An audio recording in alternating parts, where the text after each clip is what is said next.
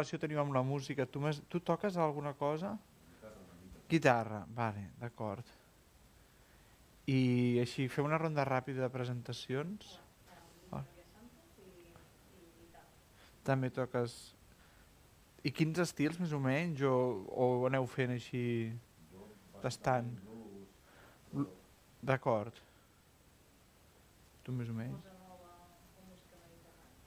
D'acord, entesos. Va, més o menys ja... I per aquí darrere, a segona fila? Molt bé, uau, m'encanta la combinació, que guai. I toques tipus amb l'UE, fas més clàssica contemporània o així al baix? Aquí a Manresa, potser? Molt bé. Molt bé, i tu et dius? Vale, Marc i guitarra, ok. En el grup aquest també, no? Molt bé. Teniu algun tipus de formació, tu amb el baix i tu amb la guitarra, o sou més allò de local i de quedar... O heu fet classes acadèmicament de modern? Amb l'UE, clar. Mhm. Val, entesos. Sí, sí, sí. Eh, També per fer una idea, sí, tipus, si teniu estudis en modern, controlar una miqueta de xifrat, de xifratge jazz, por ahí, però sí. I tu, per aquí? Jo em dic Núria i Sí. fent estic acabant el superior de piano clàssic, Molt bé. D'acord, vale, així tinc una miqueta d'idea i... Jo em dic Maria, Vale, Maria, encanta. eh, havia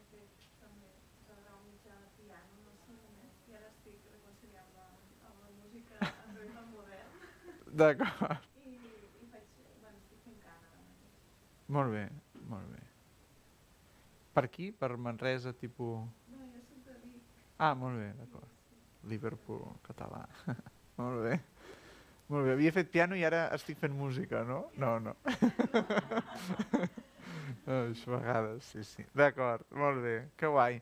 Bueno. I la Canàlia ens coneixem de fa molts anys. Molt bé, bueno, jo em dic Marcelí, també em presento Marcelí Bayer, i toco sobretot el saxofon, el clarinet, i amb els anys he anat ampliant una miqueta la frontera d'instruments que vaig tocant, però sobretot soc de formació d'entrada clàssica, i després vaig estudiar modern i, i jazz i derivats. I bueno, us volia, venia a parlar una miqueta també de, del que faig, el que he fet, per si us pot servir una miqueta de, de, a vegades de les referències, agafar idees o així, també una miqueta el mètode, que fa, bueno, mètode o la manera que tinc de treballar, de pensar la música, de practicar i de dur endavant els meus propis projectes i els projectes en els quals també estic implicat com a, com a músic eh, amb actiu. No? Aleshores us volia parlar una miqueta, no, no ho faig ma gairebé mai, però he venit a hablar de mi libro. Us parlaré una miqueta de la meva trajectòria per si us pot interessar uh, així d'on vinc i què he fet i, i a què em dedico i després us he portat exemples també de peces que faig, de música que faig actualment que ja no mm, crec que és composada però no és escrita i he anat fent una evolució més o menys estilística i estètica amb el, amb el pas dels anys i bueno, parlar una miqueta d'això he portat peces, també hi havia la possibilitat potser de tocar o no tocar, no sé, però potser serà una, una xerrada potser més teòrica o pràctica de, de que us ensenyi material, escoltem i, i si em voleu fer preguntes, doncs endavant. No? Aleshores, jo tinc aquest any faré 40 anys, sóc del 82, i sóc d'una generació, ah, que us diré, tampoc sóc tan pureta, tan antic, tan vell com d'aquells que diuen quan vaig començar a estudiar jazz no hi havia jazz a Catalunya i, i la gent s'havia de buscar la vida i no és ben bé això, però una mica sí. És a dir, a mi em va passar que mm, vinc de família de músics, el meu avi havia sigut eh, saxofonista i violinista a la UBC, a la banda municipal de Barcelona, etc. I la meva mare, tot i ser matemàtica de professió, ella també toca el piano, eh, va fer la carrera de piano així en paral·lel quan era jove i estudiava matemàtiques, de manera que a casa sempre havia estat en contacte amb música de petit. I quan tenia 8 anys li vaig demanar a la meva mare que m'apuntés a l'escola de música de, per aprendre música, així de voluntat pròpia. La meva mare ho havia intentat un any abans o dos i jo li havia dit no, no, m'apuntis a música perquè ja en sé, així com aquelles coses de nens de no cal, ja ho sé tot, no? Però al cap d'un any així vaig pensar, vaig sentir una mica la crida aquesta de mm, vale, vull, vull saber de què va i vaig baixar el cap i vaig dir, d'acord, potser sí que necessitaria unes classes per veure de què va. I em van apuntar a l'Escola de Música del Barri, allà a Barcelona, jo soc de Barcelona, a l'Eixample, a l'esquerra de l'Eixample, i jo volia tocar el saxo, tenia la dèria en tocar el saxo, m'agradava molt l'instrument, i, i a ca, de fet a casa sempre sentia històries del meu avi, que, sobretot amb el saxo, de lo divertit que era, dels bolos que feien, de lo bé que s'ho passava, i vaig anar a l'escola de música amb 8 anys, pensant, bueno, m'apuntaran a saxo, no? perquè és el que vull fer. Què vols tocar? Saxo. I aleshores el professor de clarinet que hi havia allà a l'escola em va dir aquest nen té les, masses, les mans massa petites per tocar saxo, que s'apunti clarinet. No? I així ell també guanyava un alumne, birlava un alumne a la prova, a la prova de saxo i jo estava ja directament dintre del sistema. No? I en realitat va ser un encert perquè vam connectar molt amb aquest professor, un senyor que es diu Ricard Peraire, uh, mig francès, ell venia de l'escola francesa, clarinetista professional molt, molt bo, i era d'aquella gent que teníem, o té, perquè encara no viu a Barcelona, ara viu a Andalusia de fa molts anys, però tenia molt bon tracte amb la canalla. A mi em va aguantar des dels 8 anys fins als 18, vaig estar 10 anys estudiant amb ell, i com us podeu imaginar van passar de tot, perquè 10 anys en aquestes edats, des de que era un nen i el primer dia a classe em va dir s'agafa així el clarinet. Jo li vaig dir, sí senyor Ricard i em va dir, quan tornis a dir senyor Ricard, et foto fora de la classe, saps? Així com ja em va desmuntar, era un nen molt educat, molt pulcre, i em va dir, no em diguis senyor Ricard, eh? I jo, vale, vale, d'acord, senyor Ricard. I, I res, eh, vam, vam connectar molt, ell em va treure molt, moltes preocupacions de cara a la música, em va ensenyar de manera molt lúdica i molt maca a tocar el clarinet, amb, amb vessant clàssica. Aleshores, a l'adolescència vaig començar a sentir la crida del de, rock, el punk, el heavy, i a començar a escoltar les músiques que escoltàvem al pati els meus col·legues, i notava que la cosa estava super desenganxada. És a dir, a mi em flipava o Nirvana, o Pennywise, o els de hardcore melòdic de finals dels 90, que en, aquella època començaven a haver-hi tota una moguda molt interessant que venia als Estats Units, d'aquesta idea no, de metàl·lica, i, els, i anaven apareguent tots aquests discos, i en paral·lel a l'escola de música tocava concert de Weber o tocava uh, Fantasy Stücke o coses així més de, de clàssic. Aleshores estava super desconnectat una cosa de l'altra. No? La música que m'ensenyaven, amb la que jo escoltava, al pati o els casets que ens passàvem en aquella època, els CDs, i mica en mica vaig descobrir que hi havia una música que connectava les dues coses, és a dir, hi havia bateria, hi havia guitarres, que a mi m'agradaven també les guitarres i en tenia alguna per casa i la tocava, i hi havia vents instruments de vent, no? que era el jazz. I en aquella època hi havia molt pocs espais on estudiar jazz, però vaig dir, aquest pot ser el camí realment eh, on em puc agafar i connectar el que escolto amb el que vull tocar. No? I aleshores, a partir dels 16-17 anys, vaig començar a estudiar o a escoltar jazz, i en aquella època a Barcelona gairebé bueno, hi havia l'aula de música que feien educació en jazz i el taller de músics i quan vaig fer 18 anys, per fi, em vaig poder apuntar a estudiar modern, que era com un anel que tenia a dintre, i aleshores em van connectar els dos mons de manera molt, molt intensa. És a dir, quan tenia 17-18 vaig començar a agafar un saxo que tenia la meva àvia per casa, el meu avi, el, vaig intentar veure com anava, però fins que no vaig entrar a estudiar jazz, diguem, al taller de músics amb formació una miqueta arreglada, no vaig començar a ordenar i endreçar coses. No? Conceptes harmònics, d'harmonia que m'havien explicat des del clàssic o que jo al piano intentava entendre de què anava allò dels acords i com es forma una tríada, una quatríada, de cop i volta al taller de músics en, en dos mesos ens deien mira, xifratge, això, això, això, amb accent menor 7, disminuït, dominants, tal, tensions disponibles, anaven a tota pastilla i a mi se'm resolien els dubtes de manera molt intensa. No? I aleshores cap allà als 17-18 vaig decidir que volia ser professional d'això ja trobar una miqueta el camí de, que em sentia còmode. Però bueno, les coses no són fàcils a la vida mai i tot i que vaig intentar entrar a les primeres convocatòries de proves de l'ESMUC l'any 2001, no em van agafar, jo em vaig presentar a clarinet clàssic i de saxo jazz i em van rebutjar en els dos camps perquè encara estava molt tendre, en realitat de clarinet clàssic mai m'ho havia pres 100% seriosament i amb el saxo jazz encara estava molt tendre. I aleshores em vaig dedicar a fer magisteri musical, vaig acabar la carrera, vaig fer una mica de filologia alemanya i finalment el 2006, al cap de 5 anys, després de molta preparació, estudiar i sobretot patejar-me a les jam sessions de Barcelona i tocar amb moltíssima gent variada, vaig poder entrar a l'ESMUC. I això va ser un canvi, realment ho recordo, és a dir, al final també passa molt quan estudies que és el que t'ensenyen i amb qui ho vius. I moltes vegades i en música en, en realitat passa amb, amb acadèmia i amb no acadèmia, no? La majoria de grups musicals importants que coneixem segurament també tenen raó de ser degut a l'afinitat de la gent que tocava junta, no? I eren amics, almenys al principi, i, i hi havia connexions i relacions molt intenses, no? Aleshores, quan entro a l'ESMUC, coincideixo amb tota una generació de, de, de gent jove que estudia, que està obsessionada amb, amb el jazz i la música moderna i amb estudiar, i això és del 6 al 10 i, i del 2006 al 2010 doncs, tinc l'oportunitat de coincidir. Allà conec el Santi Careta que és el director de, dels tallers de Vinyó i amb el qual establim una intensa amistat. I des d'aleshores vam començar a fer música amb, sobretot amb aquesta generació de músics d'aquella època.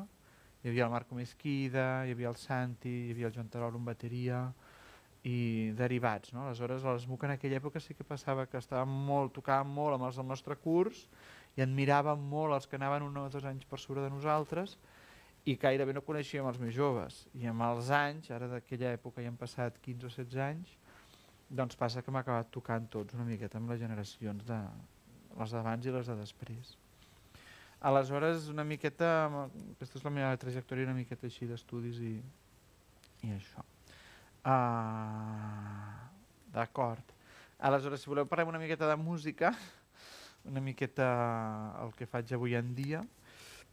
Com a estudiant de jazz vaig estudiar molt la teoria, amb el jazz fem molt, sempre es fa molt èmfasi en tenir un control al màxim d'estens i d'intents de les tonalitats, de les, 12, de les 12 tons majors, 12 tons menors, amb totes les seves variants, i aleshores sí que d'entrada els primers anys, quan un estudia música d'aquesta manera, hi ha una, una, com un èmfasi molt fort amb la tècnica, amb el, amb el que diem la teoria aplicada, en entendre la teoria i després poder-la aplicar a l'hora d'improvisar i a l'hora de tractar la improvisació i en tenir una perspectiva global musical, sobretot de la gramàtica. No? Podríem dir que ens estem molts anys estudiant de manera, a vegades una miqueta massa mecànica, però la gramàtica musical.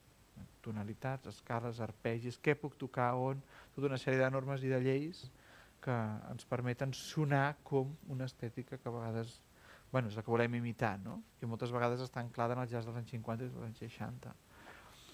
I bueno, una miqueta aquesta és la idea. A partir d'aquí, a partir de la transcripció de solos d'altres autors referencials que ens poden suggerir o nosaltres anem buscant-nos, doncs anem ampliant el nostre, el nostre camp de coneixement i d'adquisició del llenguatge i cada vegada sonem més a jazz moltes vegades perquè ens copiem directament les frases de, dels músics que ens agraden, com passa moltes vegades amb el rock, com el flamenco, que es copien. S'acaba una falseta de Paco de Lucía al disc de no sé què, pues ja tens una, un element de llenguatge, no?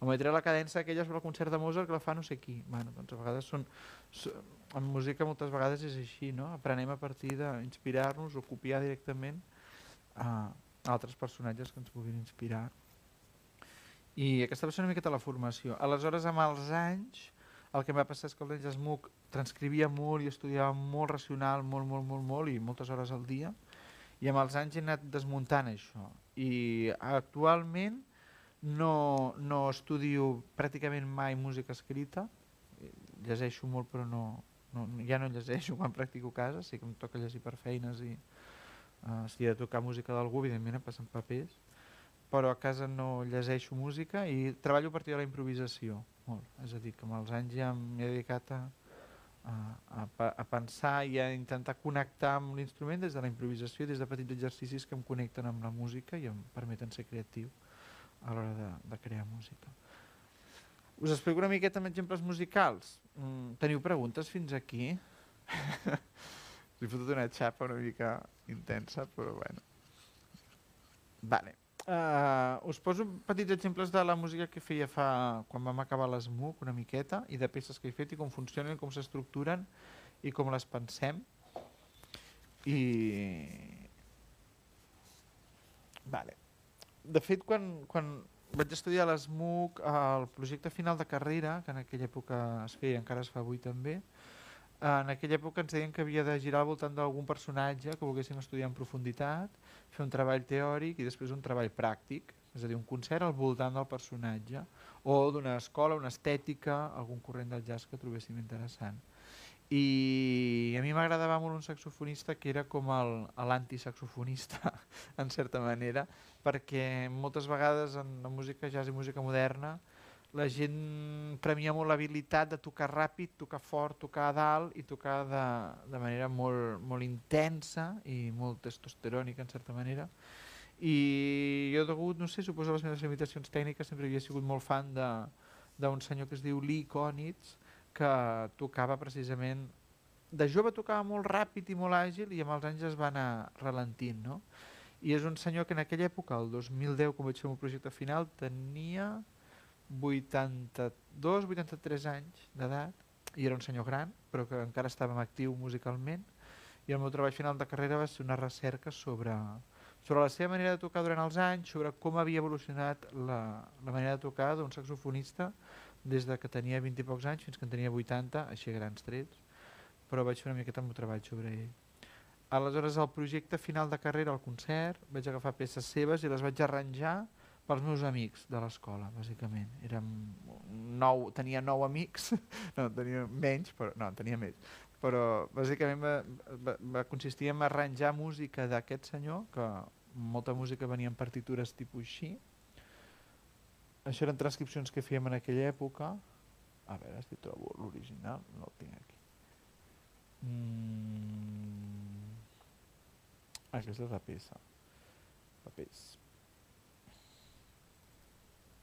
Aquesta és la peça que ens transcrivíem, aleshores això eren melodies, la melodia els acords que traiem dels discos. Us he portat l'àudio original perquè veieu com sona. I a partir d'aquí, a partir d'aquest material, es tractava de donar a nou persones l'excusa per tocar, no? i que cadascú tingués una, una, part, uh, una part escrita de música o parcialment improvisada per tocar a partir d'aquí uh, i, i ampliar la, bueno, fer un arranjament, tenia un professor d'arranjaments a l'escola que sempre deia que era fer un vestit a mida, no? Aleshores això d'aquí seria la samarreta i ara us ensenyaré la samarreta a mida que, que vaig fer. Això ho vaig fer a finals de, de això el 2010, va ser el meu projecte final i us ho poso un momentet i ara continua la història. Mm, aquest, us poso l'àudio, vale? Del, aquesta és la versió original d'aquesta peça que és de l'any 59.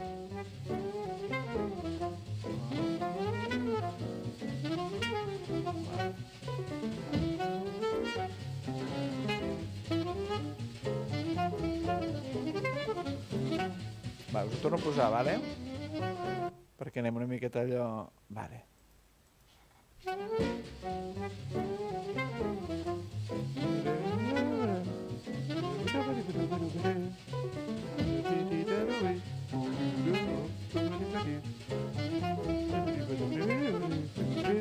veieu gaire bé.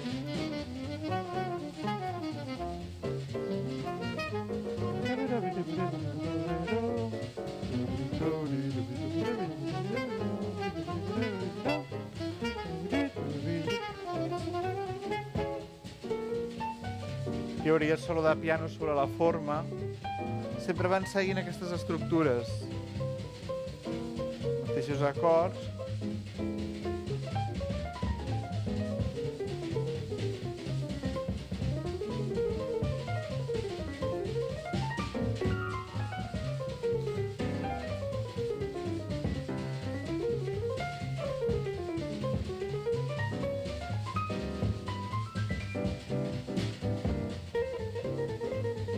guitarra, etc. Bueno, una miqueta aquestes eren les peces originals que ens agradava estudiar, ens agradava transcriure. Eh? A vegades teníem software també que ens podia baixar una miqueta la melodia, les velocitats, per poder ser més precisos a l'hora de codificar aquestes melodies. Però aquesta és una melodia d'aquest senyor de l'Iconis que va fer 20 i pocs anys, sobre una cançó que en realitat es diu What is this thing called love? La peça original és de Cole Porter i, i és una melodia que aquest senyor va fer. Aleshores us posaré l'arranjament amb la partitura que vaig fer en aquella època de, com a projecte final i la història és maca, en, en aquesta cançó no hi és, però va passar que quan vam fer el concert final a l'ESMUC, el vam gravar, un amic meu el va gravar, que estudiava sonologia, i va dir, si vols te'l gravo amb uns micros. Jo, vale, vale, vale, me'l va gravar me'l va donar amb CD, la gravació del concert així com a record d'aquella jornada tan bonica. No? I aleshores em vaig trobar al cap d'uns dies amb un bateria català que havia pogut assistir cursos que ell feia, que es diu Jorge Rossi, un bateria de jazz d'aquí a Catalunya, i em va dir, què estàs fent? Com et va? I jo vaig dir, mira, acabo d'acabar els estudis i, i he fet el projecte sobre l'icònics. I diu, ah, doncs jo la setmana que ve toco amb ell, precisament, no? I va ser com, ostres, en sèrio? I diu, sí, sí. I dic, ostres, et podria donar el CD de la gravació de, del concert que hem fet amb els nostres companys, que és com un tribut amb ell. I diu, clar, clar, em dones el CD, jo li passo, li faig arribar, si no em costa res, l'he de veure la setmana que ve a, a Finlàndia, era a Helsinki. I va ser com, vale, vale. I aleshores li vaig preparar una carta al, al Lee, en plan, miri senyor Lee, jo sóc un, un mindundi de Barcelona, però sóc fan seu des de tota la vida, i he fet el projecte sobre, sobre vostè, i li envio una gravació de, del concert i navegant per internet vaig veure que l'home aquest havia de venir a tocar a Barcelona a la tardor, a l'octubre-novembre. Això era juny, quan s'acaba el curs acadèmic normal, no? I vaig dir, així li, li vaig tirar la canya de manera allò descarada, li vaig dir, ja que ha de venir a Barcelona a tocar, si vol, podrien gravar els temes aquests que he arranjat amb vostè, amb, amb alguna col·laboració. I li vaig donar al Jorge allà, mira, això és per, per dir i a veure què passa, no? I en aquell estiu ja, això era el 10, vaig anar a Tallers de Vinyó, precisament a, a aquella setmana de tallers, i quan vaig arribar a casa el dissabte a la nit, a la meva companya m'ha dit, tens una carta de... que t'agradarà. I era una carta de Lee que en una setmana m'havia respost, i havia dit, hòstia, m'encanta la música que vols, sí, he de venir a Barna a l'octubre, uh, passo, et deixo el meu telèfon, i a veure si per poc, per poc fàcil que pugui ser, mm, coincidim i ho fem. I clar, bueno, em vaig posar dels nervis, evidentment jo tenia 28 anys en aquella època, i va ser com, hòstia, hòstia, hòstia. I el vaig trucar, clar, allò, al cap de res, d'uns dies, i, hola, què tal, no sé què, soc... Ah, sí, sí. Bueno, i vam començar a coordinar i va ser realment molt fàcil. L'únic que va fer va ser demanar-se el vol un dia abans i va venir a tocar al Festival de Jazz de Barcelona i al matí del dia que tocava a la nit, al matí vam gravar amb ell, vam tenir 4 hores d'estudi per poder enregistrar amb ell i aleshores va ser com un, un epíleg molt maco a la, al final de carrera d'aquella època. No? I va ser una super notícia per tots els nostres companys de l'ESMUC, que nosaltres érem, bueno, érem uns nanos que estàvem acabant la carrera, en realitat, no? gent jove, i quan va ser allò, que el Lee vol venir a tocar, va ser com, uau, una, una història molt maca. Aleshores, a més, el tio es va portar superbé amb nosaltres. Jo li vaig dir, quan voldria cobrar? I em va dir, tu decideixes. Que va ser un, un gest supernoble per part seva, perquè a vegades molts d'aquests megacracs et diuen, no, per menys, o parla amb el meu mànager, o... En, en cap moment va dir res del mànager, en cap moment va ser un, un pacte entre ell i jo, i realment va, estar, va ser molt bonic. I us he portat un àudio de, de l'arranjament que vam fer d'aquest disc, que està en aquest disc d'aquesta peça. Us poso la melodia una altra vegada de l'original, i ara escoltarem una miqueta l'arranjament. Eh, la melodia. Així rapidet.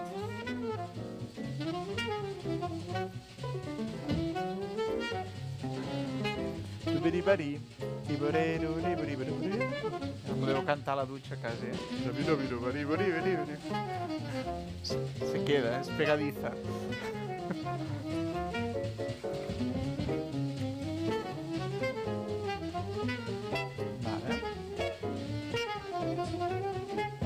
Vale, aquesta melodia original, Teribaro, eh, aquí, que digui, digui, digui, digui, digui, digui, un, dos, tres, quatre, un, dos, tres, quatre, un, dos, tres, quatre, com un 4-4.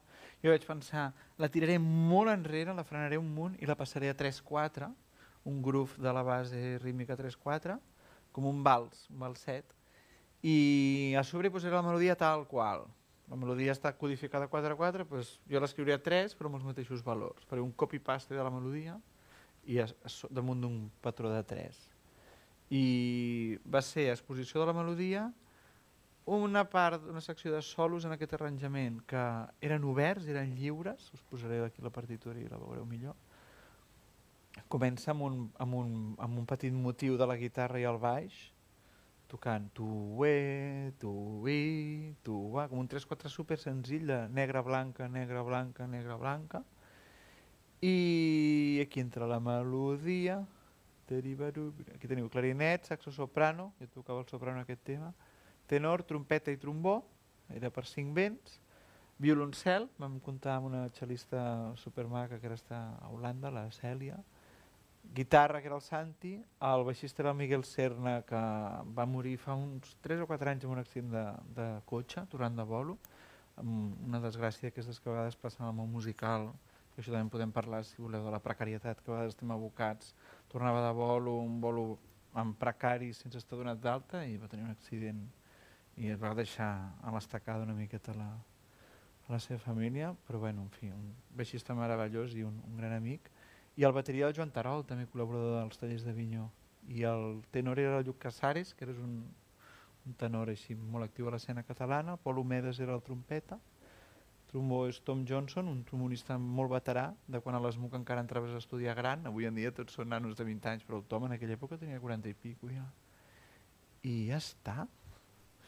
Aleshores els soros els hi vaig escriure a l'hora d'improvisar. Soprano, clarinet solo, un solo col·lectiu del Lluc amb el clarinet i meu amb el soprano. I aquesta idea de reix, és a dir, toca al voltant de re, l'acord de re, l'aroma de re, però pot ser major, pot ser menor, pots tocar notes al costat.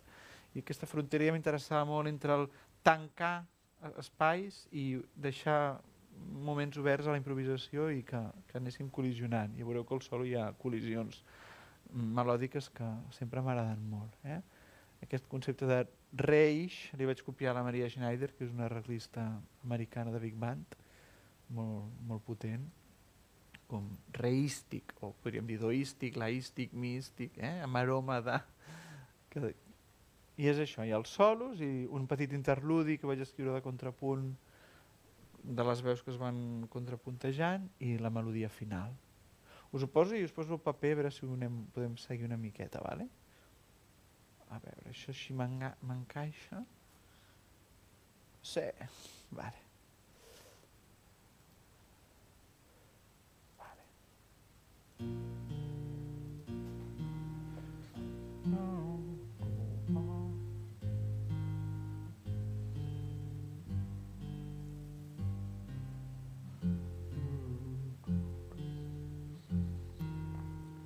Ells tenen el defecte en petitet, però ells no toquen. Eh? Clarinet i soprano és per saber quan hagis d'entrar.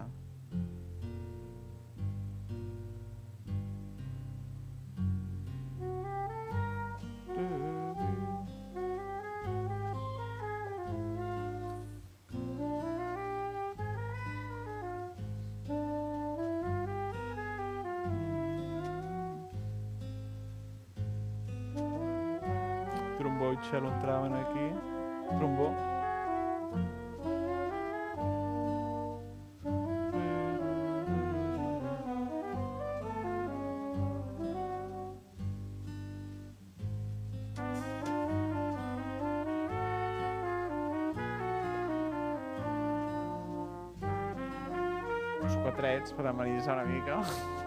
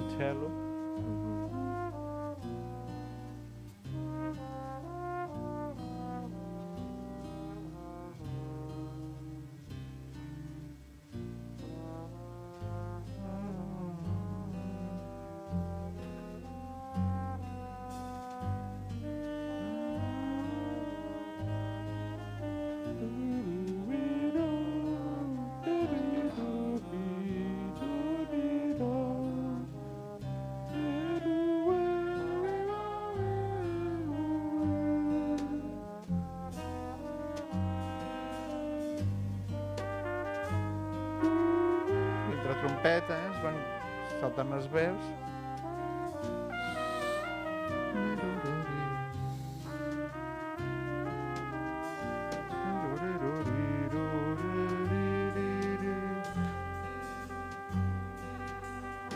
Aquí era com, des d'aquestes negres vas descentrant per agafar la melodia final.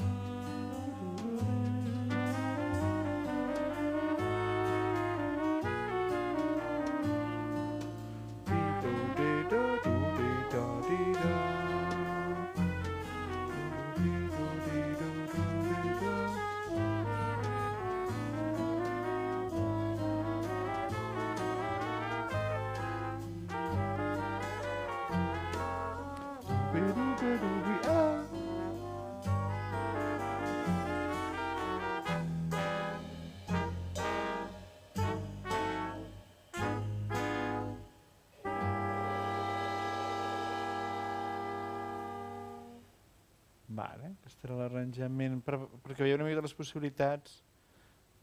No sé si esteu gaire acostumats a llegir partitures generals, però, però bueno, eh, una miqueta, es veu una miqueta en el, els blocs com van avançant.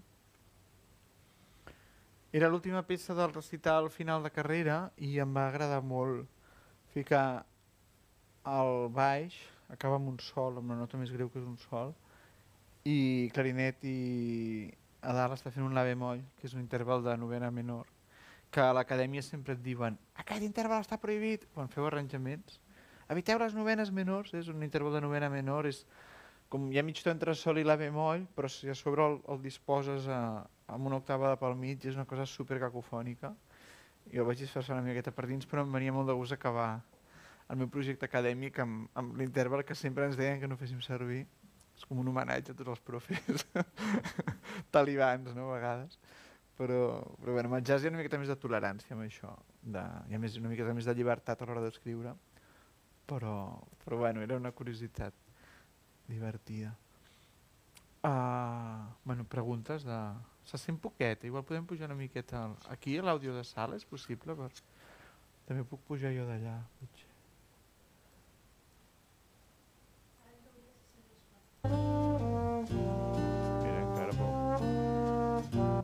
Sí.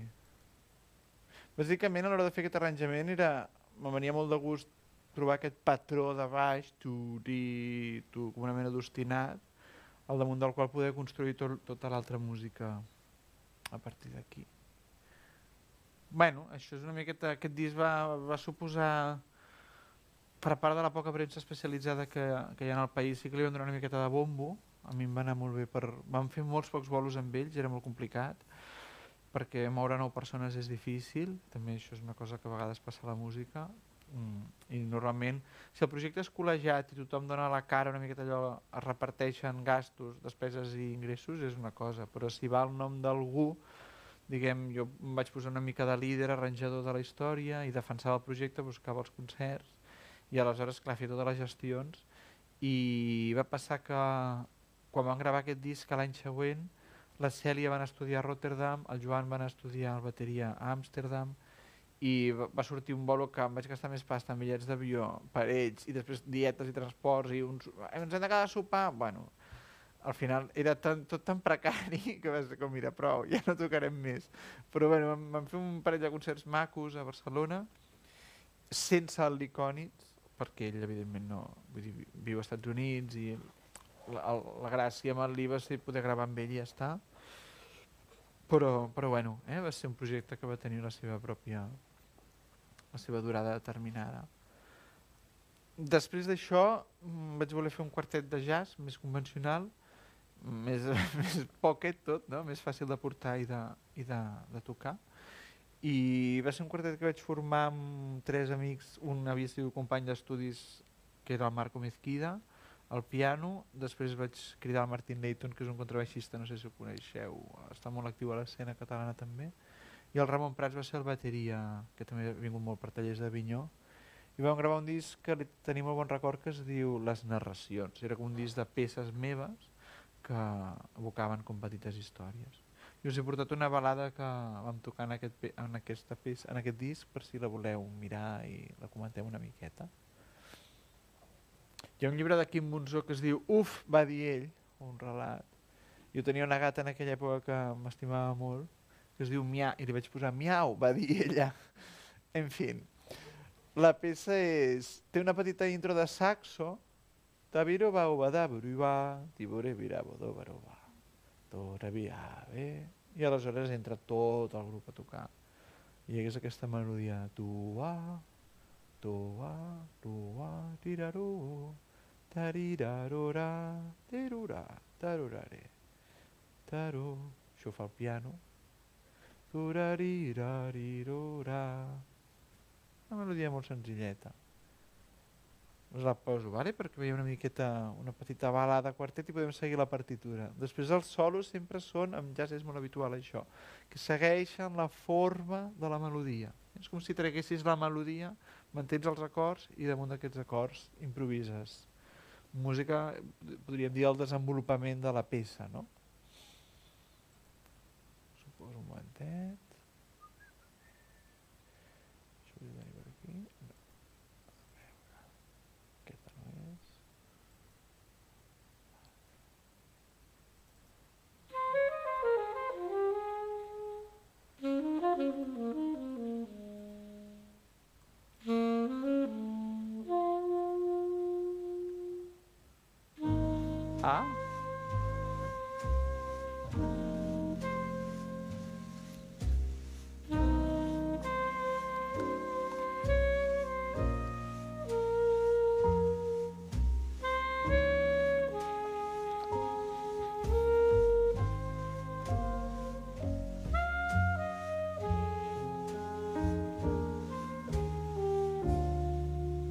Ha un calderó, una parada.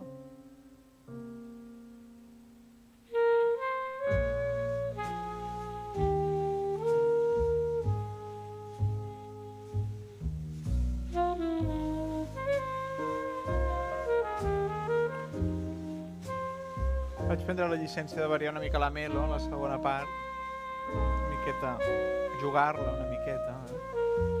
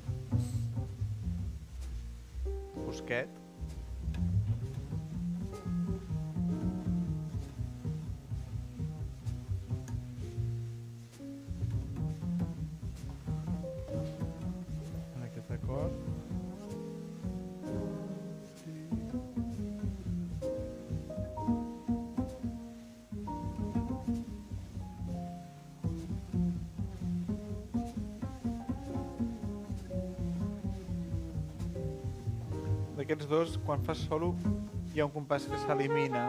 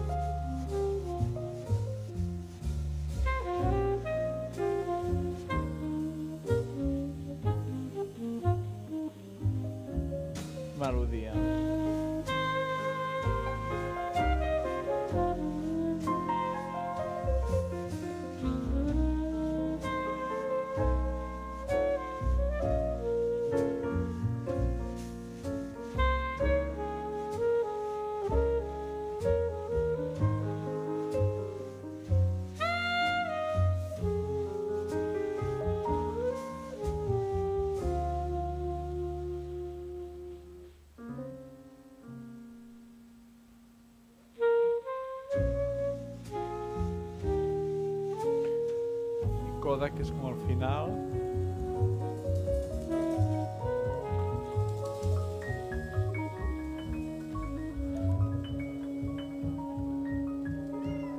Vaig ficar la gata gravada també.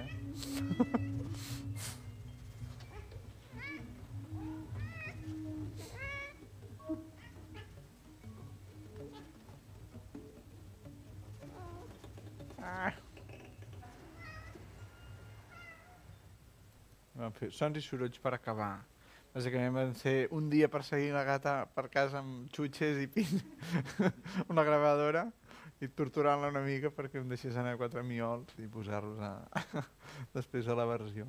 És una miqueta aquesta idea com a estructura de balada senzilleta i una miqueta els rols dels instruments com molt definidets, no? El, el, el Marco acompanyant, aquí no fa solo, però acompanyant tots els espais, això moltes vegades ho fem així, no? En el moment que la melodia descansa, piano o guitarra aprofiten per improvisar petites contrafrases i contracants. I, bueno, és un disc que em guardo molt bon record. Això ho vam fer el 2013, crec. Ja fa uns quants anys. bueno, no tants, però, però sí, una miqueta. I bé, doncs per una miqueta més de què va passar després. A veure, vaig apagant, anem tancant capítols. Després em va agafar la dèria de que volia gravar sol, a saxo sol, i gravar un instrument de vent sol és una cosa molt minoritària en realitat. I a Catalunya diguem que s'ha fet relativament poc, però a mi venia molt de gust fer-ho, però tampoc volia que fos res, eh, res convencional d'anar a un estudi, gravar peces en un estudi escèptic, vull dir, m'agraden els estudis de gravació, m'agraden molt, però volia que fos tocar en algun espai el, el saxo que, que fos un, un repte per mi també i que l'acústica de l'espai també intervingués i pogués jugar un paper en el, en el disc i la composició. I mm, uns, uns mesos en aquesta època uh, uns mesos abans de la gravació d'aquest disc que vaig fer vam poder anar amb el Caret, amb el Santi amb aquest, amb aquest noi que us vaig comentar que és el director dels tallers de Vinyó també vam poder anar a gravar en una església que està molt a prop de Vinyó que es diu Santa Eugènia de Relat i en aquella època el Santi avui en dia hi viu a la rectoria que està adjunta en aquesta església. En aquella època no hi vivia però coneixíem, ah, em sembla que es deia la Pilar, que tenia les claus, no? Pot ser? I aleshores amb el Santi vam anar allà una vegada a gravar que havíem de fer una, una banda sonora per una, una, un documental de muntanya d'uns nanos de Vinyó que havien intentat a, a pujar al Manaslu, que és una muntanya de 8.000 metres a, a l'Everest, i no ho van aconseguir. Però el documental va, es diu així, no? Els homes que van intentar pujar una muntanya de 8.000 metres. I vam gravar aquesta banda sonora allà, va ser una sessió d'improvisació, vam gravar amb el Santi, la Celeste Elias, una cantant també, el Dani Álvarez va venir la Cèlia, la xalista que havíem gravat amb el Nonet, és a dir, tot entre amics, un dia de barbacoa i gravar allà a l'església. I, I vaig quedar molt enamorat de l'acústica d'aquest espai, realment és una ermita romànica molt bonica, i al cap d'uns mesos hi vaig demanar al Santi que em passés el contacte de la Pilar o que em gestionés el de les claus. I evidentment de les, bueno, és la clau, és una, és una clau com que pesa 5 quilos, així que has d'obrir l'església, i em van deixar l'ermita un parell de dies i em vaig poder tancar allà i aleshores ja va ser com una miqueta l'inici de, del que estic fent ara, és a dir, vaig portar una llibreta amb apunts, amb petites boletes apuntades de notes o d'idees que volia treballar i moltes de les peces van anar sorgint allà també espontàniament a, a partir de reaccionar amb l'acústica de l'espai. Vaig agafar saxos, clarinets, algunes flautes que no van aparèixer al disc, però bàsicament va ser un experiment de treballar amb, a partir d'un espai que, que motivés i pogués donar peu a, a la creació musical i que és un, un espai amb una ressonància molt maca. I al final van ser, va ser un disc de 25 peces breus, de minut, minut i mig, dos minuts. És un disc que en realitat dura, no sé si dura 40 minuts, o és un disc curt, relativament curt, però, però va ser un experiment que, que va sortir, jo n'estic molt content. I aquest disc es diu 1680 perquè és l'any de la restauració d'aquesta ermita. A la portada de la, a la porta de l'ermita es veu. Crec que sí, els he portat... Ah, això era el nonet. Ara no sé, això era les narracions. Ac és aquest d'aquí, 1680. Eh? Vaig voler dibuixar l'ermita i ho vaig escanejar, va ser una, tot molt fet a casa. I aquí hi ha les 25 peces. I aleshores d'aquestes peces n'hi ha una que m'agrada especialment, que l'he anat tocant en directe, i aquesta sí que la vaig portar més o menys feta per casa i us vull explicar com la, la vaig pensar com a instrument melòdic. I és aquesta idea d'aquí. Bàsicament, això ve d'uns un, estudis de violí que un dia a casa d'una amiga meva que té, el seu pare és violinista, estava allà una partitura oberta amb un faristol amb uns estudis de violí. I aquests estudis de violí tenien aquesta idea de textura que és tan maca, que bàsicament consisteix en tres notes, no sé de qui eren aquells originals, l'obra que ell estava estudiant en el faristol, eh, aquest violinista, però bàsicament vaig mirar i dic, oi, quina idea més bona. Bàsicament són tres notes, de les quals tu sempre en pivotes una o dues i mantens una altra. I aleshores et crea com una il·lusió de, de veus que es van movent, però en realitat tota l'estona és com una sola línia melòdica, pots veure com una línia melòdica o com tres veus que es van movent. No? Vaig començar amb aquestes tres. A l'ús ho, toco, ho vaig gravar amb el soprano, amb un altre saxo, estava, ho sentireu en una altra tonalitat, però bàsicament són aquestes tres i només em vaig apuntar les notes, les següents variacions de les notes i el ritme més o menys havia de ser el mateix. Repeteixes la de dalt i tornes cap avall.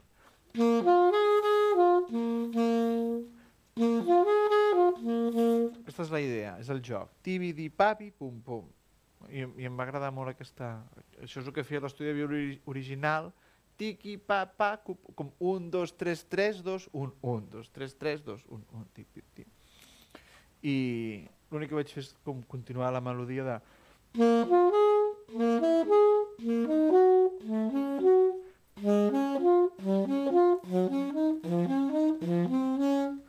això s'ha d'anar tocant.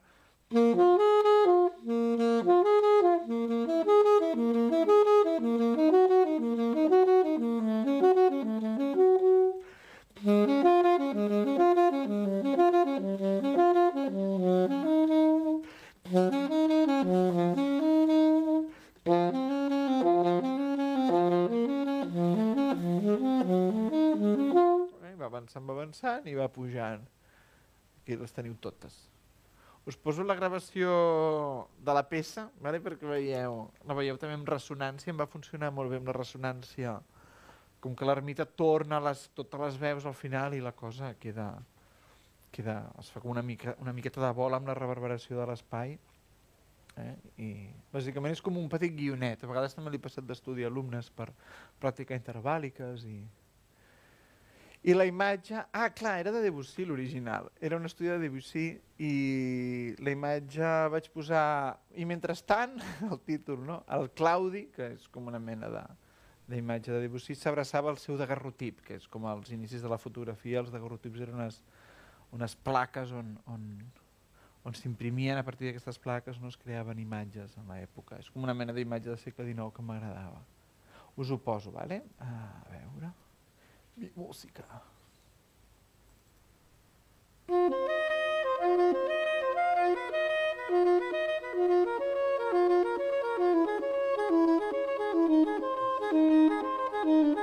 Aquesta bola de l'església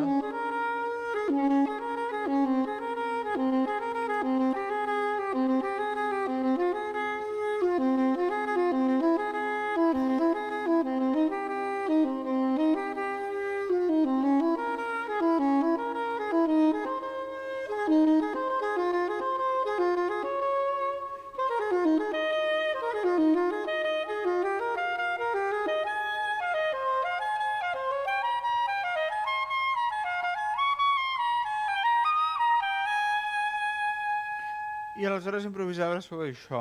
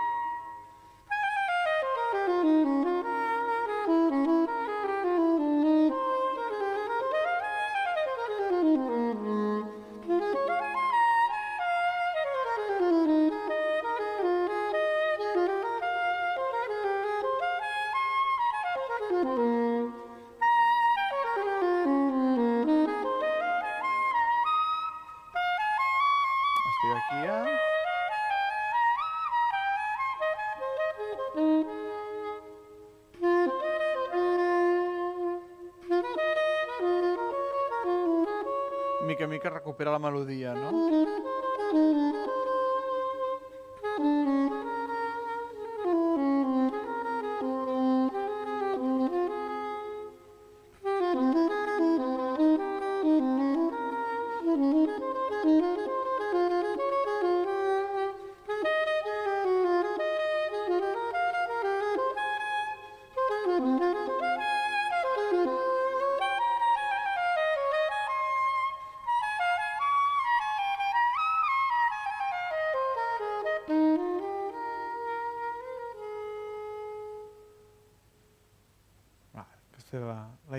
Miqueta també jazzística en el sentit de melodia exposada, variacions melòdiques i una reexposició.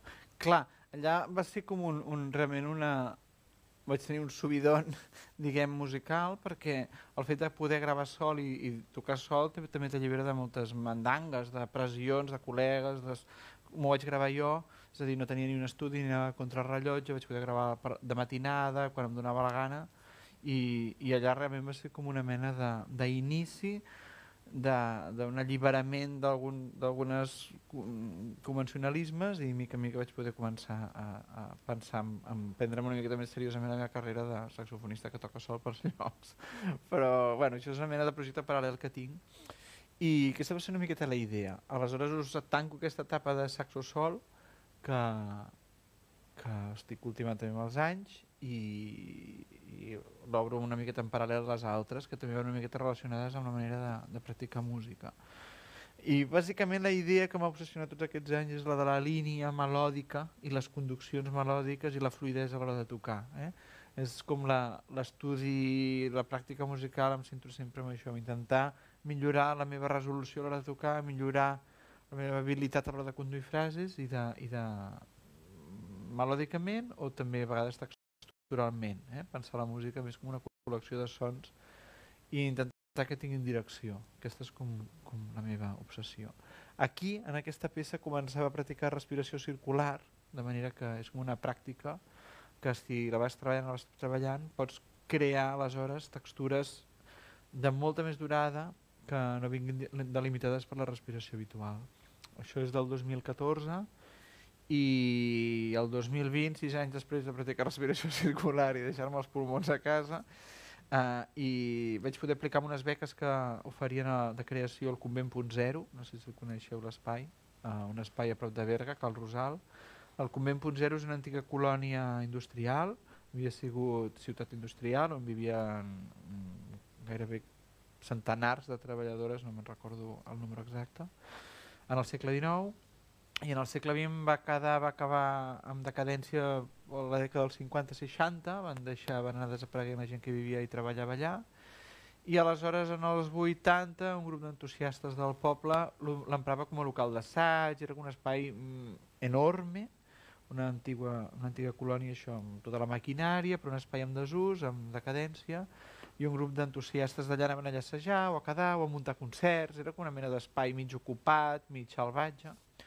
I aleshores, amb els anys, això ho han anat rehabilitant, ho han anat pujant, han anat com- comptant, no sempre, però moltes vegades amb les complicitats de les institucions, i avui en dia és un centre de creació que dona moltíssima llibertat creativa a qui po hi pot anar a fer residències artístiques, sempre una miqueta des de la contracultura i des de, des de l'underground, que a mi això sempre m'ha cridat molt l'atenció. I és un lloc on sempre passen coses. Jo a Convent hi havia pogut anar a tocar amb altres projectes, uh, més psicodèlics, moltes vegades de nit, amb ambients allò que no saps molt bé ni quina hora és ni qui hi ha al teu costat, i concerts que acaben molt tard, i tot això era pre-Covid. I aleshores, el 19, obren unes beques de creació, aplico i, i em diuen que hi puc anar uns dies i, i aplico i, em- i m'ho donen pel, crec que era el juny del 20, de l'any 20. I fantàstic, tot, era fantàstic, si, no, sé, no, si no hagués sigut que vam caure amb el confinament aquest. I aleshores, just quan mig començaven a obrir uh, les possibilitats de sortir de casa, vam agafar un autocar amb la meva companya i vam anar a Convent. És a dir, vaig poder gravar pels pèls, perquè una setmana abans, si hagués tingut aquelles dates, no hauria pogut anar, i em vaig tancar dos o tres dies amb, una, amb un dels espais de Convent.0.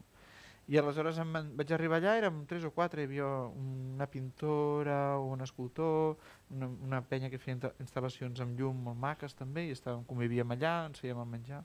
Vaig estar-hi com tres o quatre dies. I em van dir, on vols anar? No? Que, que, quin espai vols? Perquè realment hi ha molts, molts espais. I vaig dir, l'espai amb la reverberació més gran, és a dir, volia fer-ho de l'església, però a lo bèstia. I em van dir, bueno, tenim una antiga fàbrica de 800 metres quadrats, va bé? No sé com va perfecte. I era un espai que no, no veies al final, realment, molt, molt, molt atractiu. Uh, a veure si trobo... No sé si tinc alguna foto per aquí.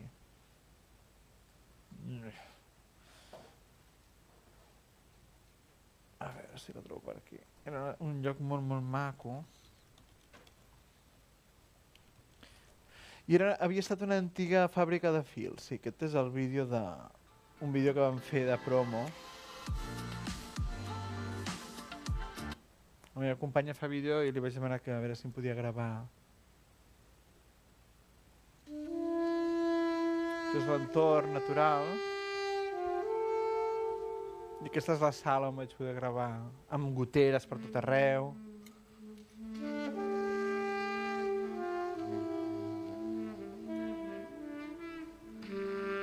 Entrava una llum molt maca.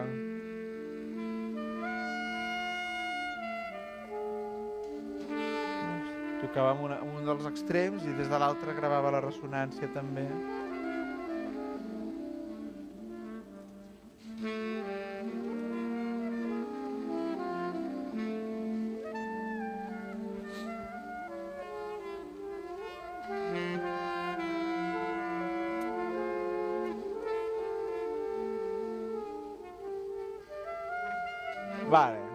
Per aquí una miqueta la cosa. Aleshores, la idea d'aquest disc va ser eh, vull crear un disc de saxo sol inspirat en realitat en un altre disc d'un saxofonista que es diu Evan Parker, que m'agrada molt, i, però no vull escriure res, no vull apuntar res. I el repte va ser poder anar allà a tocar sense, sense res apuntat, sense partitures. Senzillament amb els, amb, vaig portar aquest saxo i un saxo baríton, més greu, el, de, el del vídeo, i aleshores va ser, el repte va ser crear el disc en el, a, a l'instant i utilitzant diferents recursos a partir de, sempre a partir de la música improvisada. I aleshores hi ha diferents recursos, eren, per exemple, uh, graves una melodia, improvises una melodia i mires quan dura, no? Allò va, start, i comences a tocar. Qualsevol idea que pugui ser més o menys melòdica, més o menys concreta. Allò, a veure, start.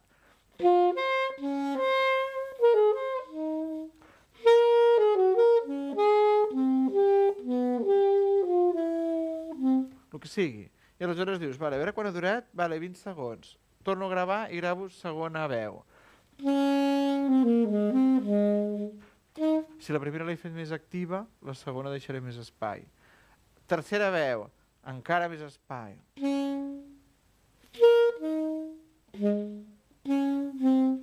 Eh? Una miqueta anar deixant espai de l'una a l'altra i ara vaig a provar una quarta que sigui eh, molt, molt textural, molt textural per exemple, no? anava creant així una miqueta al cap i, i gravava les quatre veus, tres veus, dos veus, depèn. I aleshores quan acabava el dia anava amb un ordinador, feia veu 1, veu 2, veu 3, veu 4, pam, i l'ajuntava i li donava el play, a veure què passava. I de manera que hi hagués un contrapunt natural, com improvisat també, no? el resultat que fos improvisat, però, però una miqueta allò el que havia pensat abans, no? allò mentre anava gravant a veure si podia quadrar. I va ser un experiment molt divertit i, i moltes van encaixar molt bé. Vaig descartar molt material també, però algunes realment van, van, van funcionar molt bé i em va... Bueno, crec que és un resultat divertit. I res, us poso un parell de peces d'aquestes. El, el disc comença... Tot el disc està relacionat amb, amb la idea de la revolució industrial, les ciutats industrials, el, les ànimes de la gent que va viure allà, no? que era un espai amb molta càrrega energètica, allà havia sigut també hi havia hagut un convent de monges al costat d'aquesta fàbrica. Tenia moltíssima càrrega energètica, aleshores volia treballar una miqueta com des del contrapunt, com imaginem les veus de moltes generacions que convivien i, i utilitzant diferents recursos. No? Uh, us poso una miqueta part, petits fragments.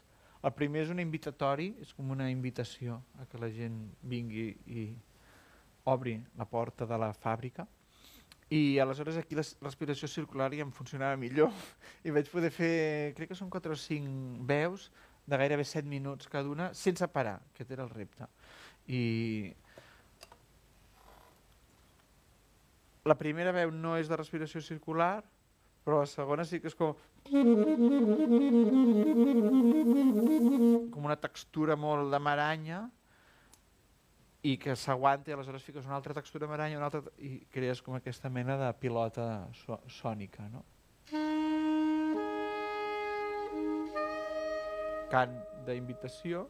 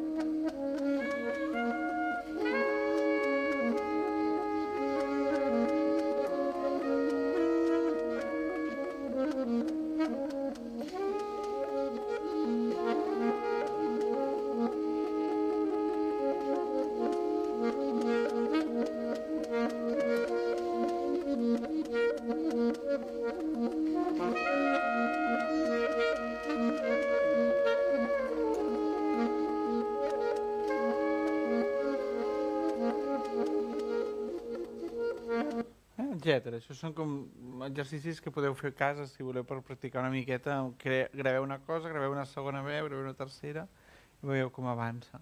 Un altre recurs també era l'ús del metrònom, amb un clic a l'orella, gravar una melodia, clar, amb el clic també és més fàcil aleshores de veure les durades, no? És a dir, si, si et dura exactament 2 minuts 20 amb aquest temps, doncs la segona veu amb el mateix temps, si dura 2 minuts 20, segurament els, els uns encaixaran més fàcil, eh? els punts forts, les notes fortes encaixaran més fàcil i serà una miqueta més fàcil de, de quadrar. Vaig gravar aquesta que es diu l'engranatge salvatge.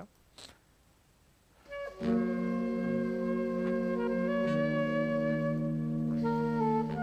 baríton que va fent el greu.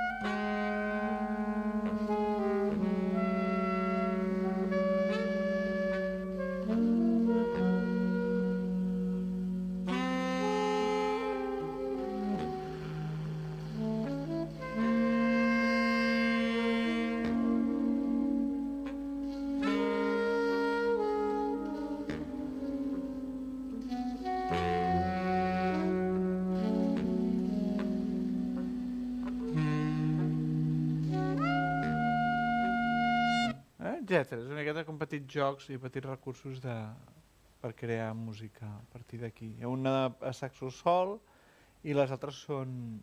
L'última és una melodieta final que vaig xumiar allà i me la vaig gravar amb una gravadora que, que tinc i la vaig harmonitzar en directe també.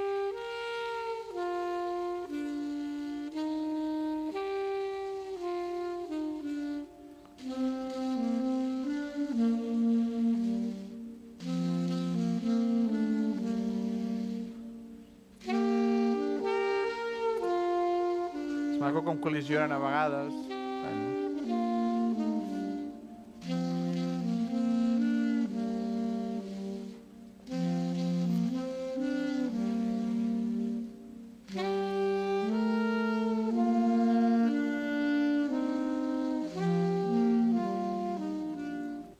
Aquest exercici amb una reverb enorme, no? amb molta reverberació i bueno, així va una miqueta el, el disc aquest. I aquí s'acaba de moure la meva obra de saxo sol. Tinc tres discos, un és un directe tot improvisat, i el de l'església, el directe improvisat i aquest. vale. Eh? Però és una miqueta com podem utilitzar recursos de música improvisada a l'hora de crear peces des de, des de l'espontaneïtat, que és una miqueta amb el que estem treballant ara, no? Mm, us trec aquest... I per una miqueta d'això us vull comentar, fer 5 cèntims d'un projecte que tenim que es diu Talbec, que fem aquesta idea de música improvisada però amb col·lectiu de tres, de tres músics. I Talbec és un projecte, un trio col·laboratiu, en gestionem per, a parts iguals la gestió del trio, de manera que un fa, doncs, un porta més al Bandcamp, que és on tenim, és la plataforma on nosaltres distribuïm la nostra música. No sé si coneixeu Bandcamp, però és, és, és una plataforma de tracte, podríem dir, més just pels músics que Spotify i altres, altres plataformes avui en dia de distribució musical. Uh, amb Bandcamp hem anat treballant una base de fans i de clients, de gent que ens compra la música que fem i els discos i les novetats que fem. Mm, hi ha bastants americans també, eh, sobretot, però bueno, hem intentat crear xarxa. Amb Talbach vam crear, vam gravar, vam fer una sessió de gravació al 19, a finals del 19. Vam començar a practicar, va, va ser com una mena de, de trobada que volíem, teníem moltes ganes de juntar-nos nosaltres tres. El grup està format per un bateria, que és Oriol Roca, i un, un guitarrista que ve de la música contemporània i l'experimental, que és el Ferran Fages i vam començar amb una mena d'oportunitat de tocar a Robadors 23, que és un club de Barcelona, com una residència, a finals del 2018, i vam poder fer tres concerts, tres o quatre, tres concerts, una cada setmana, durant tres setmanes de desembre vam fer un concert a la setmana, i eren concerts de música improvisada, quedàvem i tocàvem el que, el que, el que ens sortís, no? i intentàvem que les peces doncs, es produïssin al moment, trobar-nos per acabar i per fer els finals, i, però una miqueta era reaccionar, l'un reacciona al que fa l'altre. I això va ser el 18, vam estar un any assajant durant tot el 2019, quedàvem un cop al mes per anar assajant i també sempre amb la voluntat de no escriure mai ni una nota, sinó intentar coordinar-nos a través de la música. Quan jo faig això, tu què pots fer aquí al damunt? A veure, provem, tal, i pensem molt quan els músics que fem música improvisada ja 100%, parlem moltes vegades de materials, més que cors o de cadences o de ritme, sinó de materials. Eh? Un, un so soroll pot ser un material, un legato pot ser un material, una textura més d'aire pot ser un altre material. Si jo faig... Tu aquí què hi pots fer? Eh? I, i, des del soroll, des del so, treballem des de moltes perspectives i al damunt hi posem una bateria tocada de manera més o menys convencional. Aleshores vam gravar per trobar una miqueta un cop ja havíem assajat durant un any vam dir tanquem-nos uns parell de dies a, a gravar en un espai i aquest espai va ser a casa del Santi Careta també una altra vegada que té un espai molt maco, unes golfes per gravar i vam estar dos dies allà gravant i dels dos dies aquests van sortir aquests tres EPs que, dos EPs i un disc que és Arbori. Uh, aquesta primera sessió de gravació vam, vam gravar moltíssimes hores de música i, i Arbori va ser el nostre primer directe, el primer disc com a tal. I aleshores, des d'aleshores eh, vam fer un altre dia una sessió de gravació més endavant amb el local d'un amic nostre, un local molt sequet, que es diu, el disc es diu Acid Fates, van gravar tots junts en una sala molt petita, i aquest el vam publicar amb caset, i després el, gravem sempre els nostres directes, intentem fer una bona qualitat de so, i ara estem traient mm, improvisacions en directe que es diuen live series. Us poso una miqueta el hit d'Arbori perquè veieu per on va, vale? A vegades fem bulla, a vegades no tant, posaré un parell de peces i si teniu preguntes...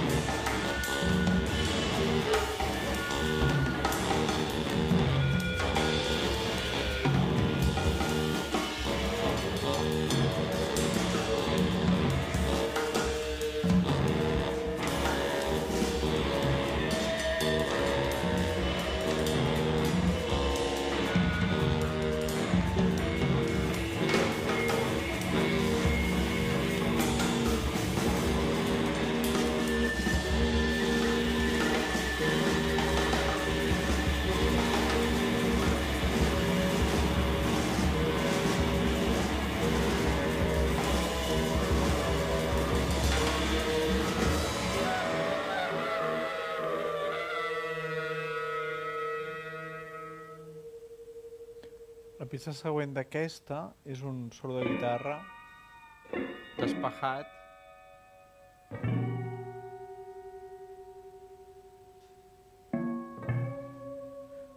amb, amb tal que el que fem molt és alternar moments de trio molt hot, diguem, i amb molta bulla, amb moments molt calmats de combinacions de duos i solos, no? I després també tenim trios de molt espai i textures amb molt ambient. Una miqueta el que juguem. De notes llargues i paisatgístic també. Anar caminant i anar transitant.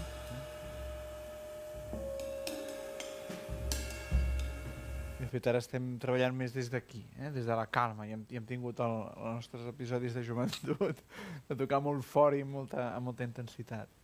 Però bueno, és un projecte realment que, que el disfrutem molt, passem moltes hores treballant-lo, fem una música cada vegada més minoritària, vull dir, sou conscients que tenim un públic molt reduït, però, però bueno, anem intentant-ho treballar, de fet fa poc vam poder tocar a l'Auditori de Barcelona, també dintre de Sampler Series, hi ha una mena d'espai a Barcelona i a Catalunya, a Europa més, però aquí també hi ha un espai per la música avantguardista darrere improvisada també. I, per aquí va una miqueta, us volia comentar. Adéu, que Preguntes, dubtes? Fins aquí? Tot bé? Us posaré un parell de peces també que havia preparat, que havia portat per vosaltres de... perquè veieu com molt senzilletes, molt simples, però que m'agraden molt per compartir amb vosaltres. Una és una peça que van gravar, dos peces que van gravar a, amb un pianista que es diu Toni Saigi, a duo de piano i saxo soprano. I una és una peça super minimalista, que és aquesta, que va ser una època també que m'agrada escriure, m'agrada molt escriure des d'idees molt senzilletes. Taró, casella 1, taroro, casella 2, taroro, baribo, re, re, te, te, ro. Taruo, tauo. Us la poso. És molt senzilla però em va anar molt bé per, per donar aire a un disc. Es diu Ritual. a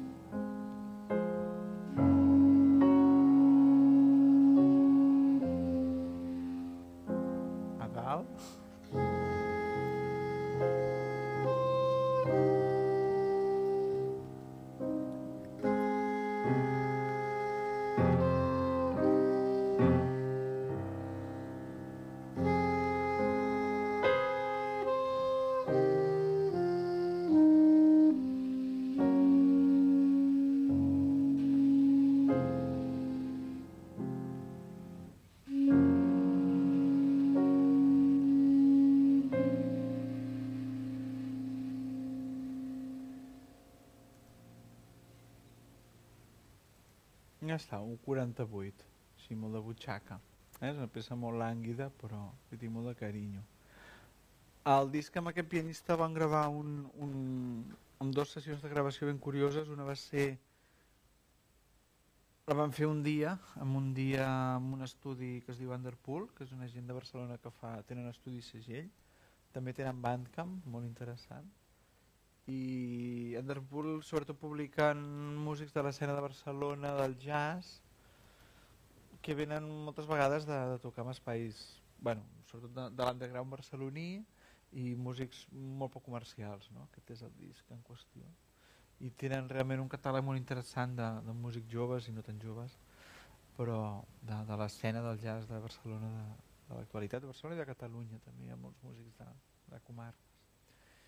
I aquest disc es diu Two Horses, aquest que vam gravar, i va ser, vam fer una sessió de gravació, bàsicament la idea és que el, el qui porta Underpool, Underpool neix com un estudi de gravació que fa un saxofonista a casa seva. Eh? El, el típic saxofonista que diu em vull, gravar, em vull gravar un disc, em compraré una targeta de so i un micro, i de la targeta de so de micro acaba sent em compraré un altre micro, em compraré una targeta de so millor, crec que em compraré una taula de mescles, que em, crec que em compraré un altre micro, crec que muntaré un estudi de gravació a l'habitació, crec que muntaré un estudi de, de gravació al costat de l'habitació on dormo, crec que ara l'habitació al costat l'he d'ensonoritzar, crec que ara hi posaré un piano de cua, crec...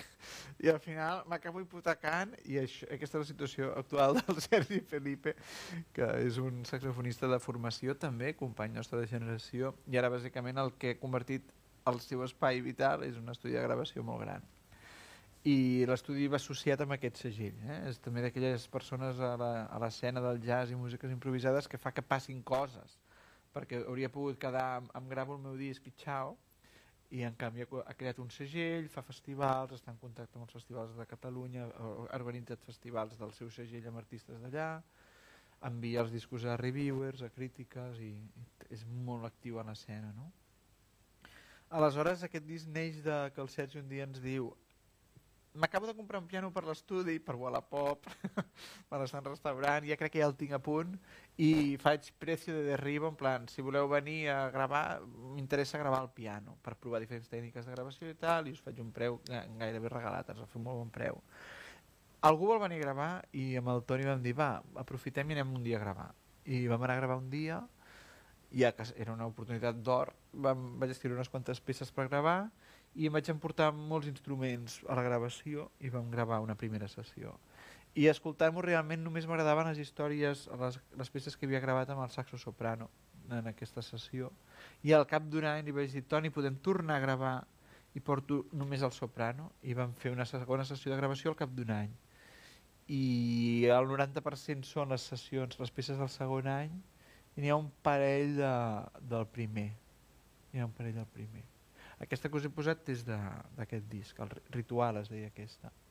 I aleshores la, la idea va ser com composar per piano i saxo, com melodia i acompanyament, amb acords molt senzilleta, i també donar espai a moments d'improvisació i, de, i de col·lisió, que m'interessava molt buscar aquesta, aquesta, aquesta fregada entre el piano i el saxo, però gairebé de moments així molt, molt lliures i molt oberts. I moltes peces, la majoria de peces eren de dos, tres pentagrames, una línia molt petiteta. Se'n posa un altre que es diu Zig Zag Ninja. La idea és que hi ha una intro de saxo d'aquestes notes, i una caiguda. I comença un solo puntillístic, staccato, sobre la bemoll. Faig amb el soprano, però és com... I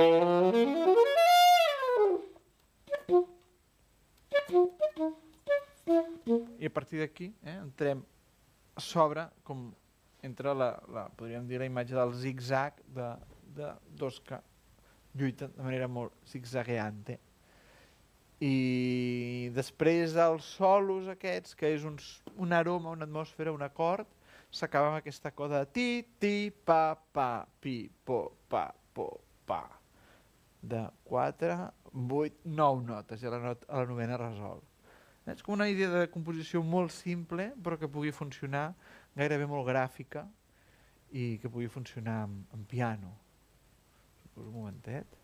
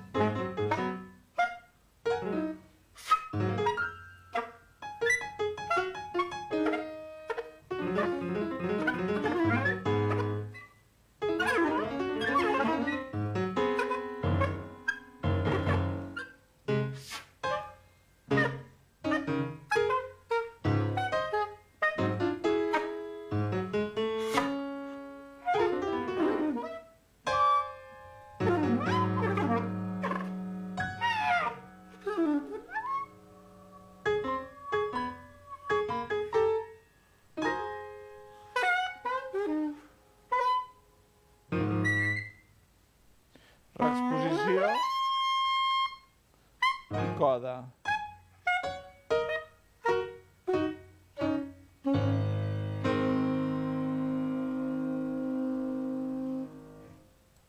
I ja està. Eh? És una miqueta aquesta idea del jazz en el fons de tema, solos, tema i coda, però molt minimalista ja i m'agrada molt treballar des d'aquí de cada vegada que hi hagi més opcions d'improvisar i que, que la improvisació tingui més pes que, que la música com a tal.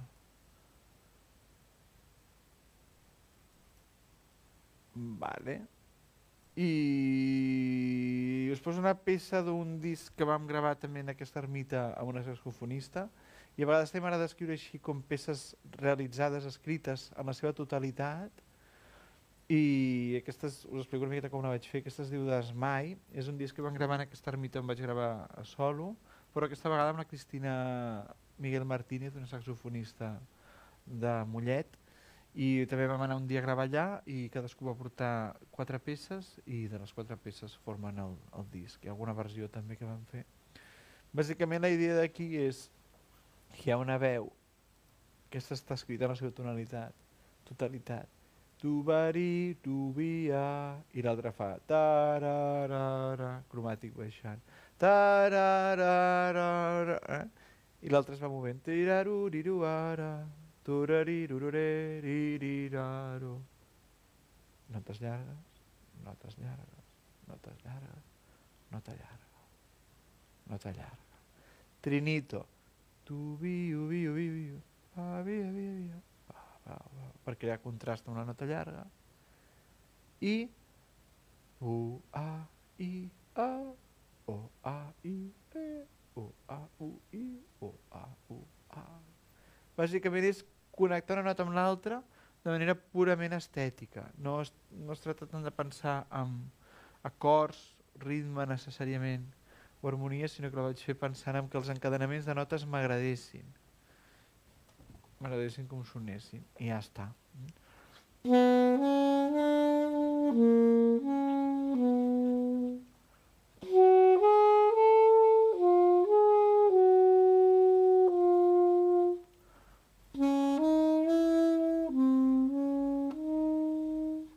proper l'una de l'altra. Eh?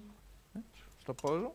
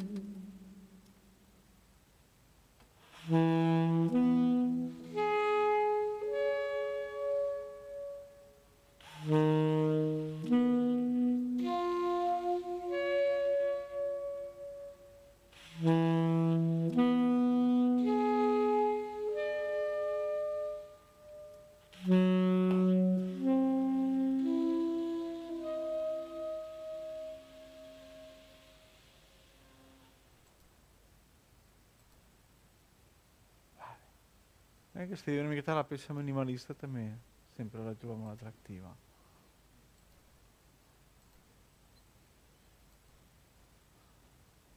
Vale. Uh...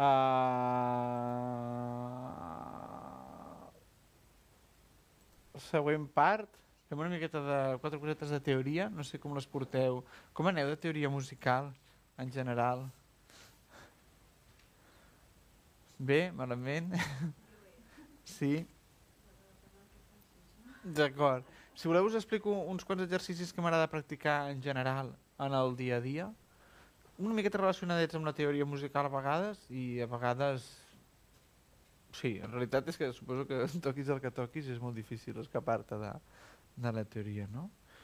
Però, però bueno, com m'agrada una miqueta preparar-me musicalment per reptes, evidentment si he d'anar a treballar com a saxofonista de sessió per un projecte d'algú, una big band, una orquestra, o he treballat també en musicals, he fet de músic professional en moltíssimes situacions, doncs si, si he d'estar en forma, doncs, la rutina més habitual pels músics de vent és fer notes llargues, una mica de tècnica, lectura, aprendre a llegir bé i millorar les teves habilitats llegint, perquè moltes feines en el, en el món musical dels músics de vent ens venen donades a, a partir de saber llegir bé, saber medir bé, medir, llegir, articular, afinar i ser puntuals.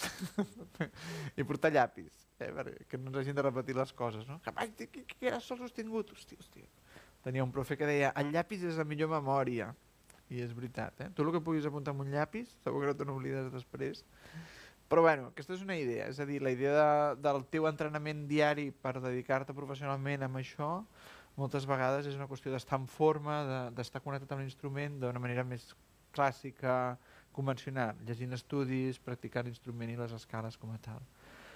Però a mi, sobretot ja amb els anys, cada vegada practico menys això, tot i que encara tinc feina de llegir, considero que més o menys el nivell que tinc de lectura em dona per sobreviure. Quan em truquen a vista em puc fer moltes coses i si no m'ho estudio a casa hi vaig fent, però tampoc dedico excessivament temps a llegir, llegit moltes partitures a la meva vida i m'he cansat molt de llegir, però m'agrada molt estudiar, agafar repertori i continuar amb això.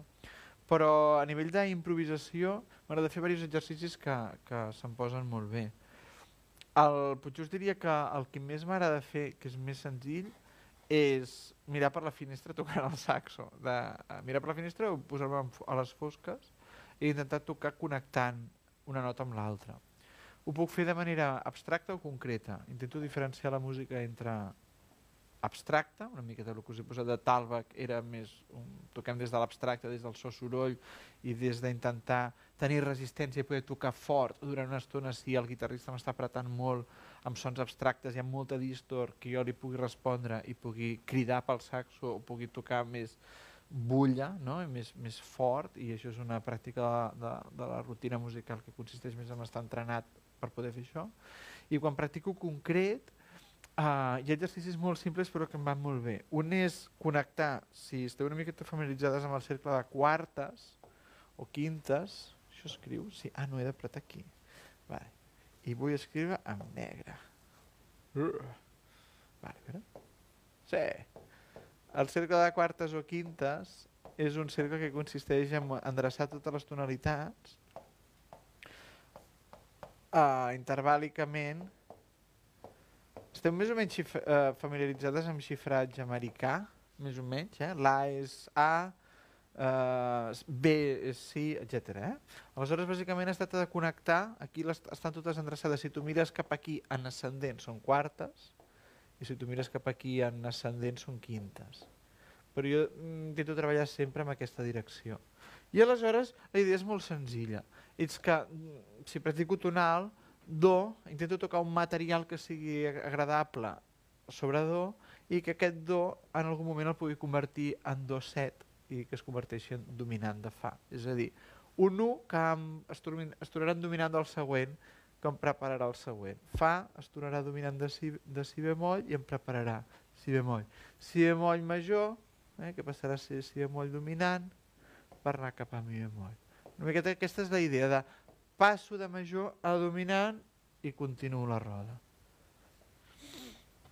Aquest és un exercici que em manté molt en forma. A vegades per sortir utilitzo alguna fórmula melòdica que, que em pugui funcionar o me la afusello de Johann Sebastian Bach, que una miqueta és el que feia aquest tipus de, de cercles.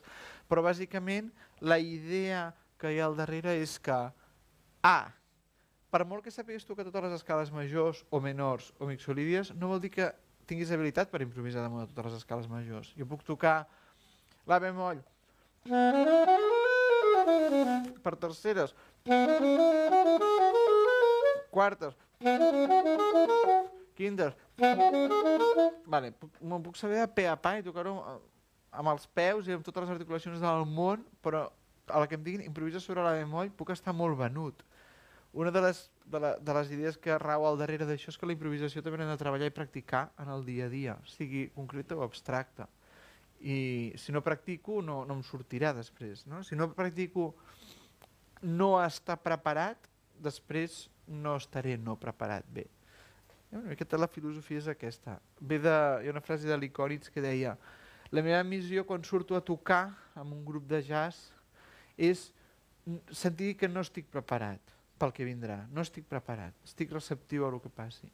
I això, per fer això necessito molta preparació, deia ell. I és una, una filosofia que va una miqueta per aquí. Eh? Aleshores la idea és tocar, intentar tocar frases molt maques sobre do major i quan ho tingui me'n vaig cap a do set i me'n vaig cap a fa. Les més maques que pugui. Ara em sortirà un xurro, però eh, una miqueta. A vegades pots tocar-te l'escala al principi i tenir clar que aquest és el material que utilitzaràs per fer música. Ni una més ni una menys. Amb estadis més avançats pots permetre-te alguna, permetre alguna aproximació cromàtica, alguna nota fora si vols. Però d'entrada us recomano fer-ho molt diatònic. I pensar molt en dibuixets. Per exemple, A, I, E... Pot ser un dibuixet que puc desenvolupar.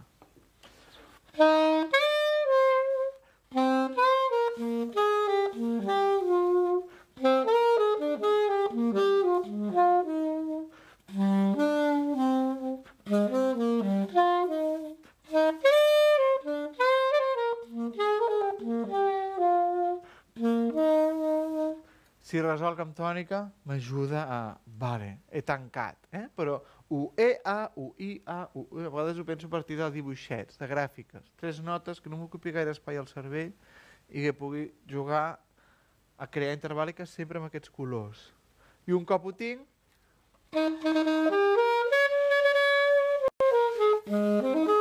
Si, vol, si cal.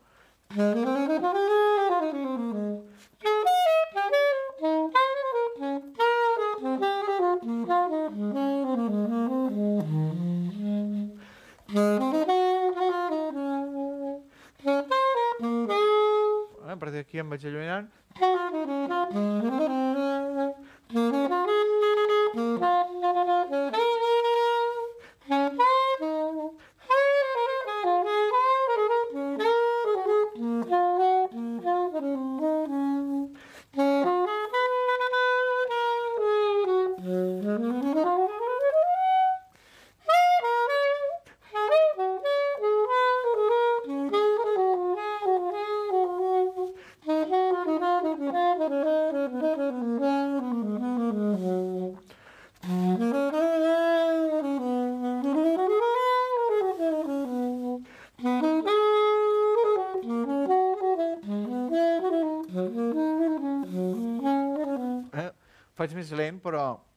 casa em dono més espai. Ara us estic fent una miqueta rapidet, però aquesta és una miqueta la idea, eh? d'anar connectant a partir de la impro una tonalitat amb l'altra, sentir que estic tocant material diatònic d'una tonalitat, és molt útil. Amb guitarra i així no és tan útil a vegades perquè és més una qüestió més de, de transposició digital, no? de dits.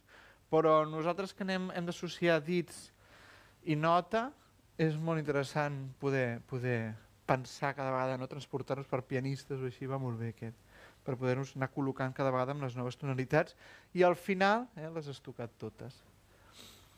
Això podeu fer més, ara és més lliure, també podeu practicar tècnica a partir d'aquí. Tots els meus acords majors.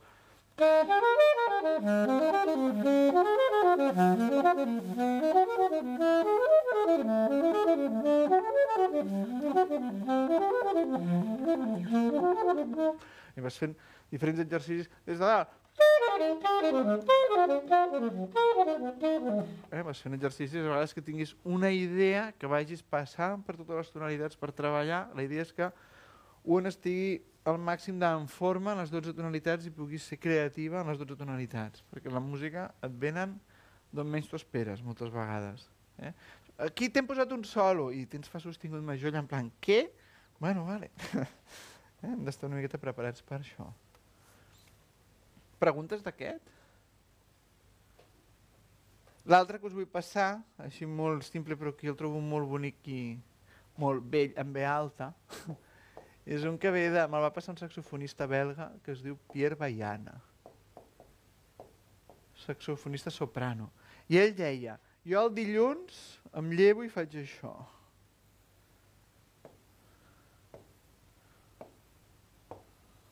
I em dura per tota la setmana. I a l'altre dilluns ho llenço i en faig un altre. I és do, re bemoll, super aleatori, on et vingui millor. Re, mira, mi bemoll el poso aquí. Mi, cap aquí. Fa, pam. Fa sostingut. Sol, ok. La bemoll. La, si bemoll i si. I aleshores te'l pots mirar cap aquí o cap aquí. I es tracta d'encadenar l'un amb l'altre. Eh? Imagineu-vos de dir, vale, vaig a practicar els meus arpegis, generalment això et funciona per majors, per menors has de, has de fer els relatius, ara us ho dic. Però bàsicament de dir, vaig a practicar els meus arpegis majors.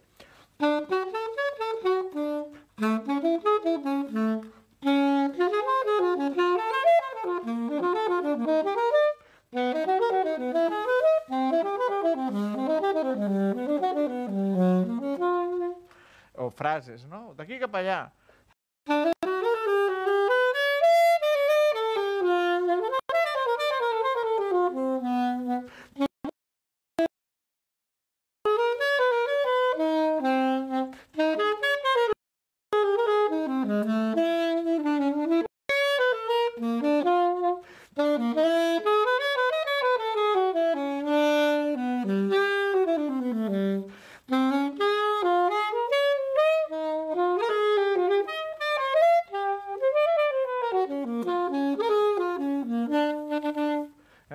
Volteta, intentar connectar un amb l'altre, connectar un amb l'altre. A vegades fas un arpegi i et serveix per a l'altre, eh? però és un exercici que va molt bé per treballar l'habilitat, canvis ràpids de tonalitat, i us pot desencallar moments compositius també. De dir, a veure com queda si, re, la bemoll, fa, igual mola, no?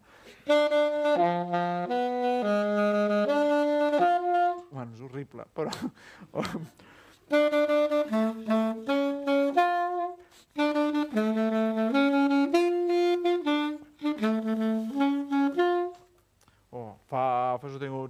re.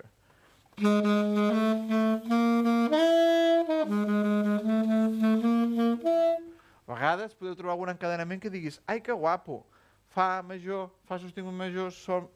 Pots tro trobar encadenaments xulos d'acords. El pas avançat seria distribuir eh, tonalitat o grau, colors d'acords, eh? si, si voleu tipus un plan.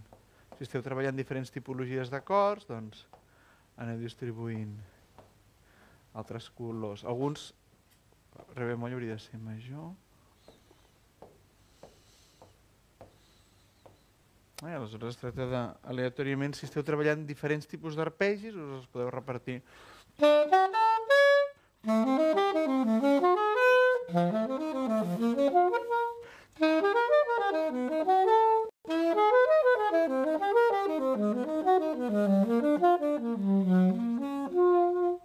Eh, ves, vas passar una miqueta per aquí, eh? d'enllaçar diferents tipus de colors.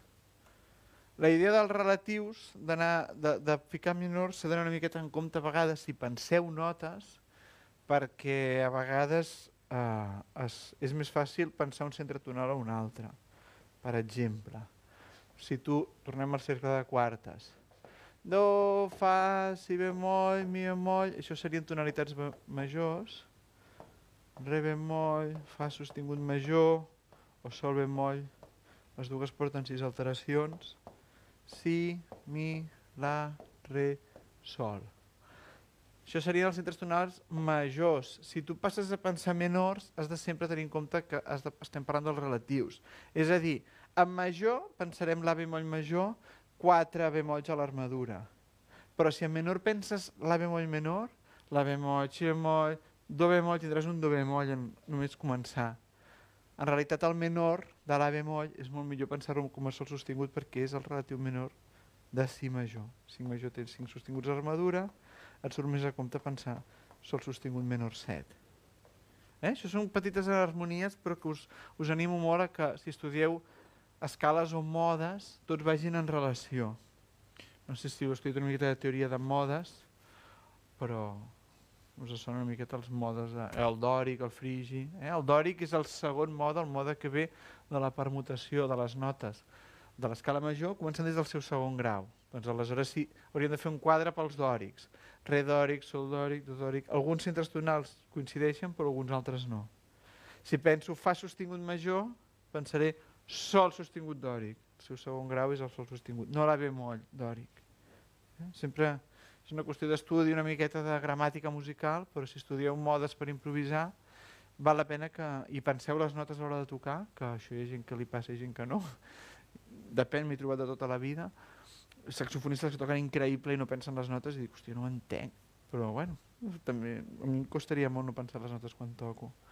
Però, però bueno, que és una miqueta petits exercicis d'aquests que, que funcionen. El del quadrat, el del rectangle aquest, és molt difícil de fer-lo mirant per la finestra, però l'altre d'encadenar tonalitats així d'un major que passi a ser dominant d'un altre i anar encadenant, és un exercici que us el podeu portar amb vosaltres i fer-lo si teniu un instrument transportable, que amb el piano és difícil, però amb el saxo, i vegades he tocat a l'aire lliure o por ahí, si estic fora i vull practicar o el que sigui, em va molt bé per connectar. Sí. Ai, busco l'esborrador i és... Vale. I l'altre aquest que us deia és de, de línies, no? A mi m'agrada molt pensar en línies i fer-me dibuixets. A vegades pot ser... I això poden ser naixements per una melodia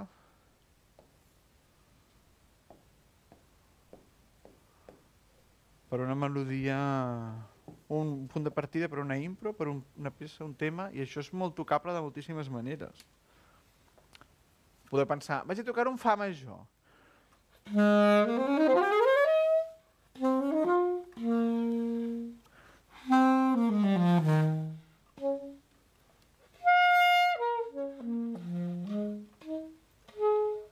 tindria una versió. Ara vaig a tocar-ho més politonal, és igual, cromàtic, 12 notes. I així practico la escala cromàtica.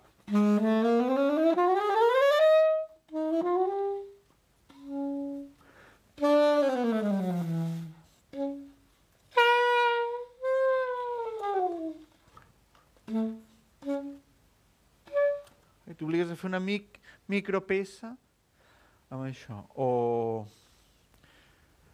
Pots, pot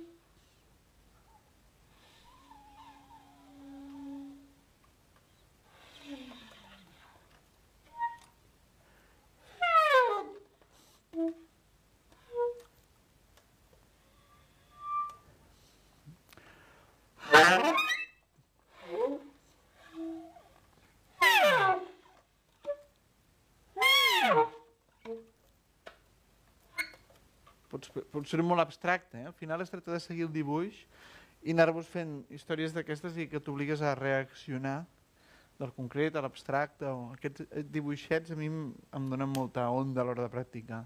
De seguida trobo ah, que guai, començarà així la peça i l'altre em seguirà. Una miqueta com la que us he posat el Toni Sagi de Pipop, pipop, pipop, pipop. Per aquí aniria. Són exercicis molt minimalistes i molt simples, però que donen molta peu a la creativitat musical de seguida, no? I amb grup també ho podeu fer, us porteu una pissarra i amb el grup allò, va, anem a tocar aquesta. Va, i, i aneu pactant una miqueta, podeu respectar-la o no. Clavades i a partir de la tercera anem, anem descentrant, no? I un que estigui per aquí i l'altre que encara estigui per allà.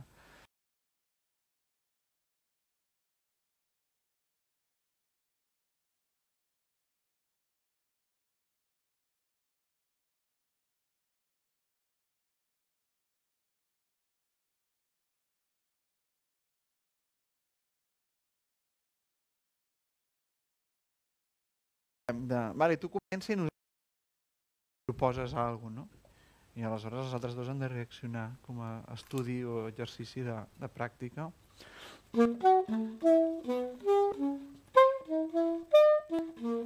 Però una llança això i l'altra ja... I, a, ja canvia. O sigui, un allò... Les reaccions sempre moltes vegades són diferents en funció del material que, que un dispari, no? La idea aquesta de la impro, hi ha una frase que m'agrada molt que us he volgut copiar enganxar aquí, de la improvisació, que ve d'Evan Parker, que és saxofonista i improvisador. Evan Parker forma part de la, de la generació d'improvisadors que a partir de finals dels anys 60 a Europa van crear un estil de música improvisada, de música, que la van anomenar, anomenar improvisació lliure o free improvisation. Bàsicament la idea va ser que Evan, Evan sempre diu, i Peter Brodsman, un altre improvisador uh, alemany, diuen nosaltres som fills de l'existencialisme i de la post-segona guerra mundial. Som fills de la generació de... Som nascuts als anys 40, als anys 50, i quan érem petits a Europa no hi havia futur, no hi havia perspectiva de futur. Europa havia sigut, uh, havia perdut la guerra, no?, en realitat, i, i vam viure la nostra infantesa des del pessimisme, des del no tenim músics britànics, músics alemanys, músics francesos i, i sobretot del nord d'Europa i van començar a crear aquesta, aquesta mena d'estètica que és la improvisació lliure. Aquestes de la música improvisada, l'Evan sempre ha tocat música improvisada, no ha tocat mai papers ni partitures ni...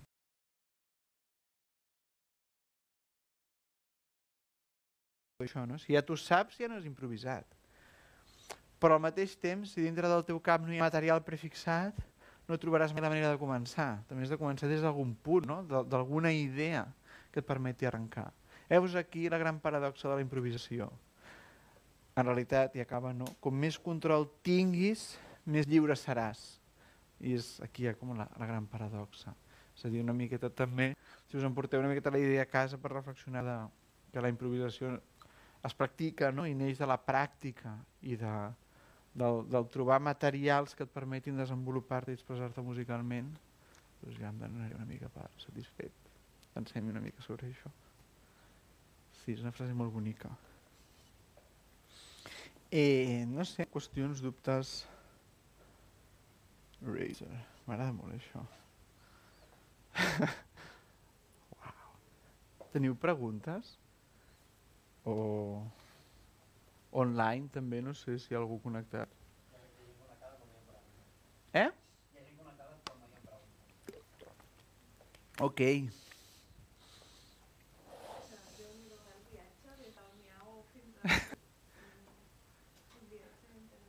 Sí, és guai, sí, no sé. Al final passen els anys i és el resultat d'anar fent coses, no? Sí. Sí, no sé, també t'he de reconèixer que no sempre és fàcil, eh? a vegades també hem perdut oportunitats de tocar per, perquè la gent també, i a l'escena catalana moltes vegades passa, almenys de la música que fem nosaltres, que en casella ha molta facilitat, no? I, ah, el tal ja no toca temes i està tocant més noisy, o el no sé qui no el truco per tocar temes perquè només toca de manera abstracta, no? I aleshores passa que a vegades és tot un equilibri, no? I a, a mi em passa amb molts companys de, que toquen música improvisada més abstracta que diuen és que ja no em truquen per tocar, i potser han tocat jazz abans també, ja no em truquen per tocar jazz perquè es pensen que ja no el toco, no? I, i a mi m'ha passat una època també, però, però bueno, intento cultivar una miqueta de tot. Però, però bueno, al final també has d'anar trobant el camí eh, musical i vital, no?, en general. És una feina de... Per això també una miqueta el títol de la classe és una miqueta així de com construir una miqueta la teva personalitat i creativitat a partir de, de la música, no? I us animo molt, eh, independentment de l'estat en el que us trobeu d'aprenentatge musical, a continuar, perquè és, és com un work in progress constant, no? d'anar treballant, anar invertint hores en practicar. Per mi la idea de pràctica musical és fonamental, de practicar és una pràctica. Poques vegades dic vaig a estudiar, si no vaig a practicar em dóna més bon, bon feeling. No? l'estudi a vegades sembla que hagi de fer-ho contra la meva voluntat de no vull estudiar, em revelo. En canvi el practicar és com, vinga va, no? ve de gust practicar el saxo com si practiqués un, una truita amb patates, no? Va, vaig a tornar a fer que l'altre dia se'm va cremar massa la ceba. Aleshores, la idea aquesta de pràctica és molt, molt interessant d'anar cultivant la vostra pràctica musical, connectar-vos amb la música i mica en mica anar fent el vostre camí, no? Però bueno, aquest és una miqueta el meu, hi ha, hi ha molta gent que està que tota la vida va trobar el seu estil, el seu gènere musical i va estar allò fent això i per mi és super respectable també, no? la gent que s'ha especialitzat en una cosa i la fa super bé ho trobo en realitat potser el més difícil en música, no? Jo sóc més inquiet i tastaulletes. Però bueno, no sé, en realitat és un món tan maco i la, a vegades ho penso i ja començo a tenir una certa petita edat de maduresa, però penso, hòstia, la gent que he conegut i situacions que he viscut a partir de tocar, no? I d'haver continuat actiu amb això i us animo molt a, a seguir a, i aprofundir una música perquè és un camp de relacions enorme, no? Hi ha tantíssima gent que s'hi dedica i hi ha una escena tan gran. Coneixereu tantíssima gent interessant, segurament. I, i també la cara, a vegades no hi ha una cara tan amable també, no? De tensions i així, però són, són ensenyam... hi, ha, hi ha molt ensenyament per la vida, no? En el, a la professió de músic i no el reivindicar-la constantment també és una lluita que hem de dur a terme moltes vegades, no? de reivindicar, de, de defensar la nostra professió, la nostra dignitat laboral, les nostres condicions. Això també és, és el pa nostre cada dia moltes vegades. Clar, quan fas el que t'agrada, no? pues ja representa que pots cascar 8 hores d'assajo sense cobrar o venir sense tocar sense donar, anar donat d'alta, que és el que passava en el cas que us comentava abans també. No? Moltes vegades ens passa això, que estem molt desemparats de, a nivell laboral encara. Passa molt, hi ha molt camí per córrer encara. No? Però bueno, ja seguirem. Sí. Qüestions? Dubtes? Us he portat un, un petits obsequis pels que heu vingut, que són llumins, perquè ho cremeu tot. Aquests llumins són... Eh, un projecte que no us he parlat es diu Seward. A Barcelona, Seward és una, un, ens definim com un col·lectiu musical d'acció sonora, en realitat el que fem és tocar, va néixer com una banda de rock de col·legues que toquem des del rock i la psicodèlia cançons i actualment fem una miqueta de tot, des de bandes sonores acompanyant pel·lícules, música, escenes més experimentals, toquem els temes de sempre i aquest Nadal vam fer unes edicions molt limitades de llumins i és per fer una miqueta de promo del projecte també, aquí ho teniu. Us, us deixo un sobret amb, amb material, ¿vale? Agafeu-vos els que vulgueu. I també us he, us he portat com codis de descàrrega de Bandcamp, i així us familiaritzeu una miqueta amb Bandcamp, i teniu codis de Talbec i de la filatura també. Així, cada codi és mm, d'ús personal. És a dir, entreu, eh, no cal que ho registreu, crec, és a dir, només amb el codi us baixa el disc, però si ho registreu us podeu tenir-lo amb reproducció infinita, online, i, si no us voleu, vull dir, cadascú una miqueta ho gestioni com vulgui, si us voleu regalar amb algú i així també fem una miqueta de nosaltres també de promoció de, dels nostres projectes i jo què sé, així és una miqueta perquè n'hi hagi per tothom. Té. Si voleu agafar-ne més de llumins hem fabricat com 3.000 van arribar allò, què fots amb 3.000 llumins? No, clar, vam, vam tocar 15 dies a plaça Catalunya, ara amb Seward, amb un espectacle d'acompanyant una pel·lícula, i vam dir, no, no, clar, 15 dies a plaça Catalunya a Barcelona, a patada de penya, hem de fabricar 3.000 llumins. I els llumins ens van arribar el dia 13, al, al bolo 13, saps? Vull dir que, el de sempre. que al final vam repartir 100 i en tenim 2.900. Però això és, és bastant divertit també quan passa això. sí. Aquestes coses.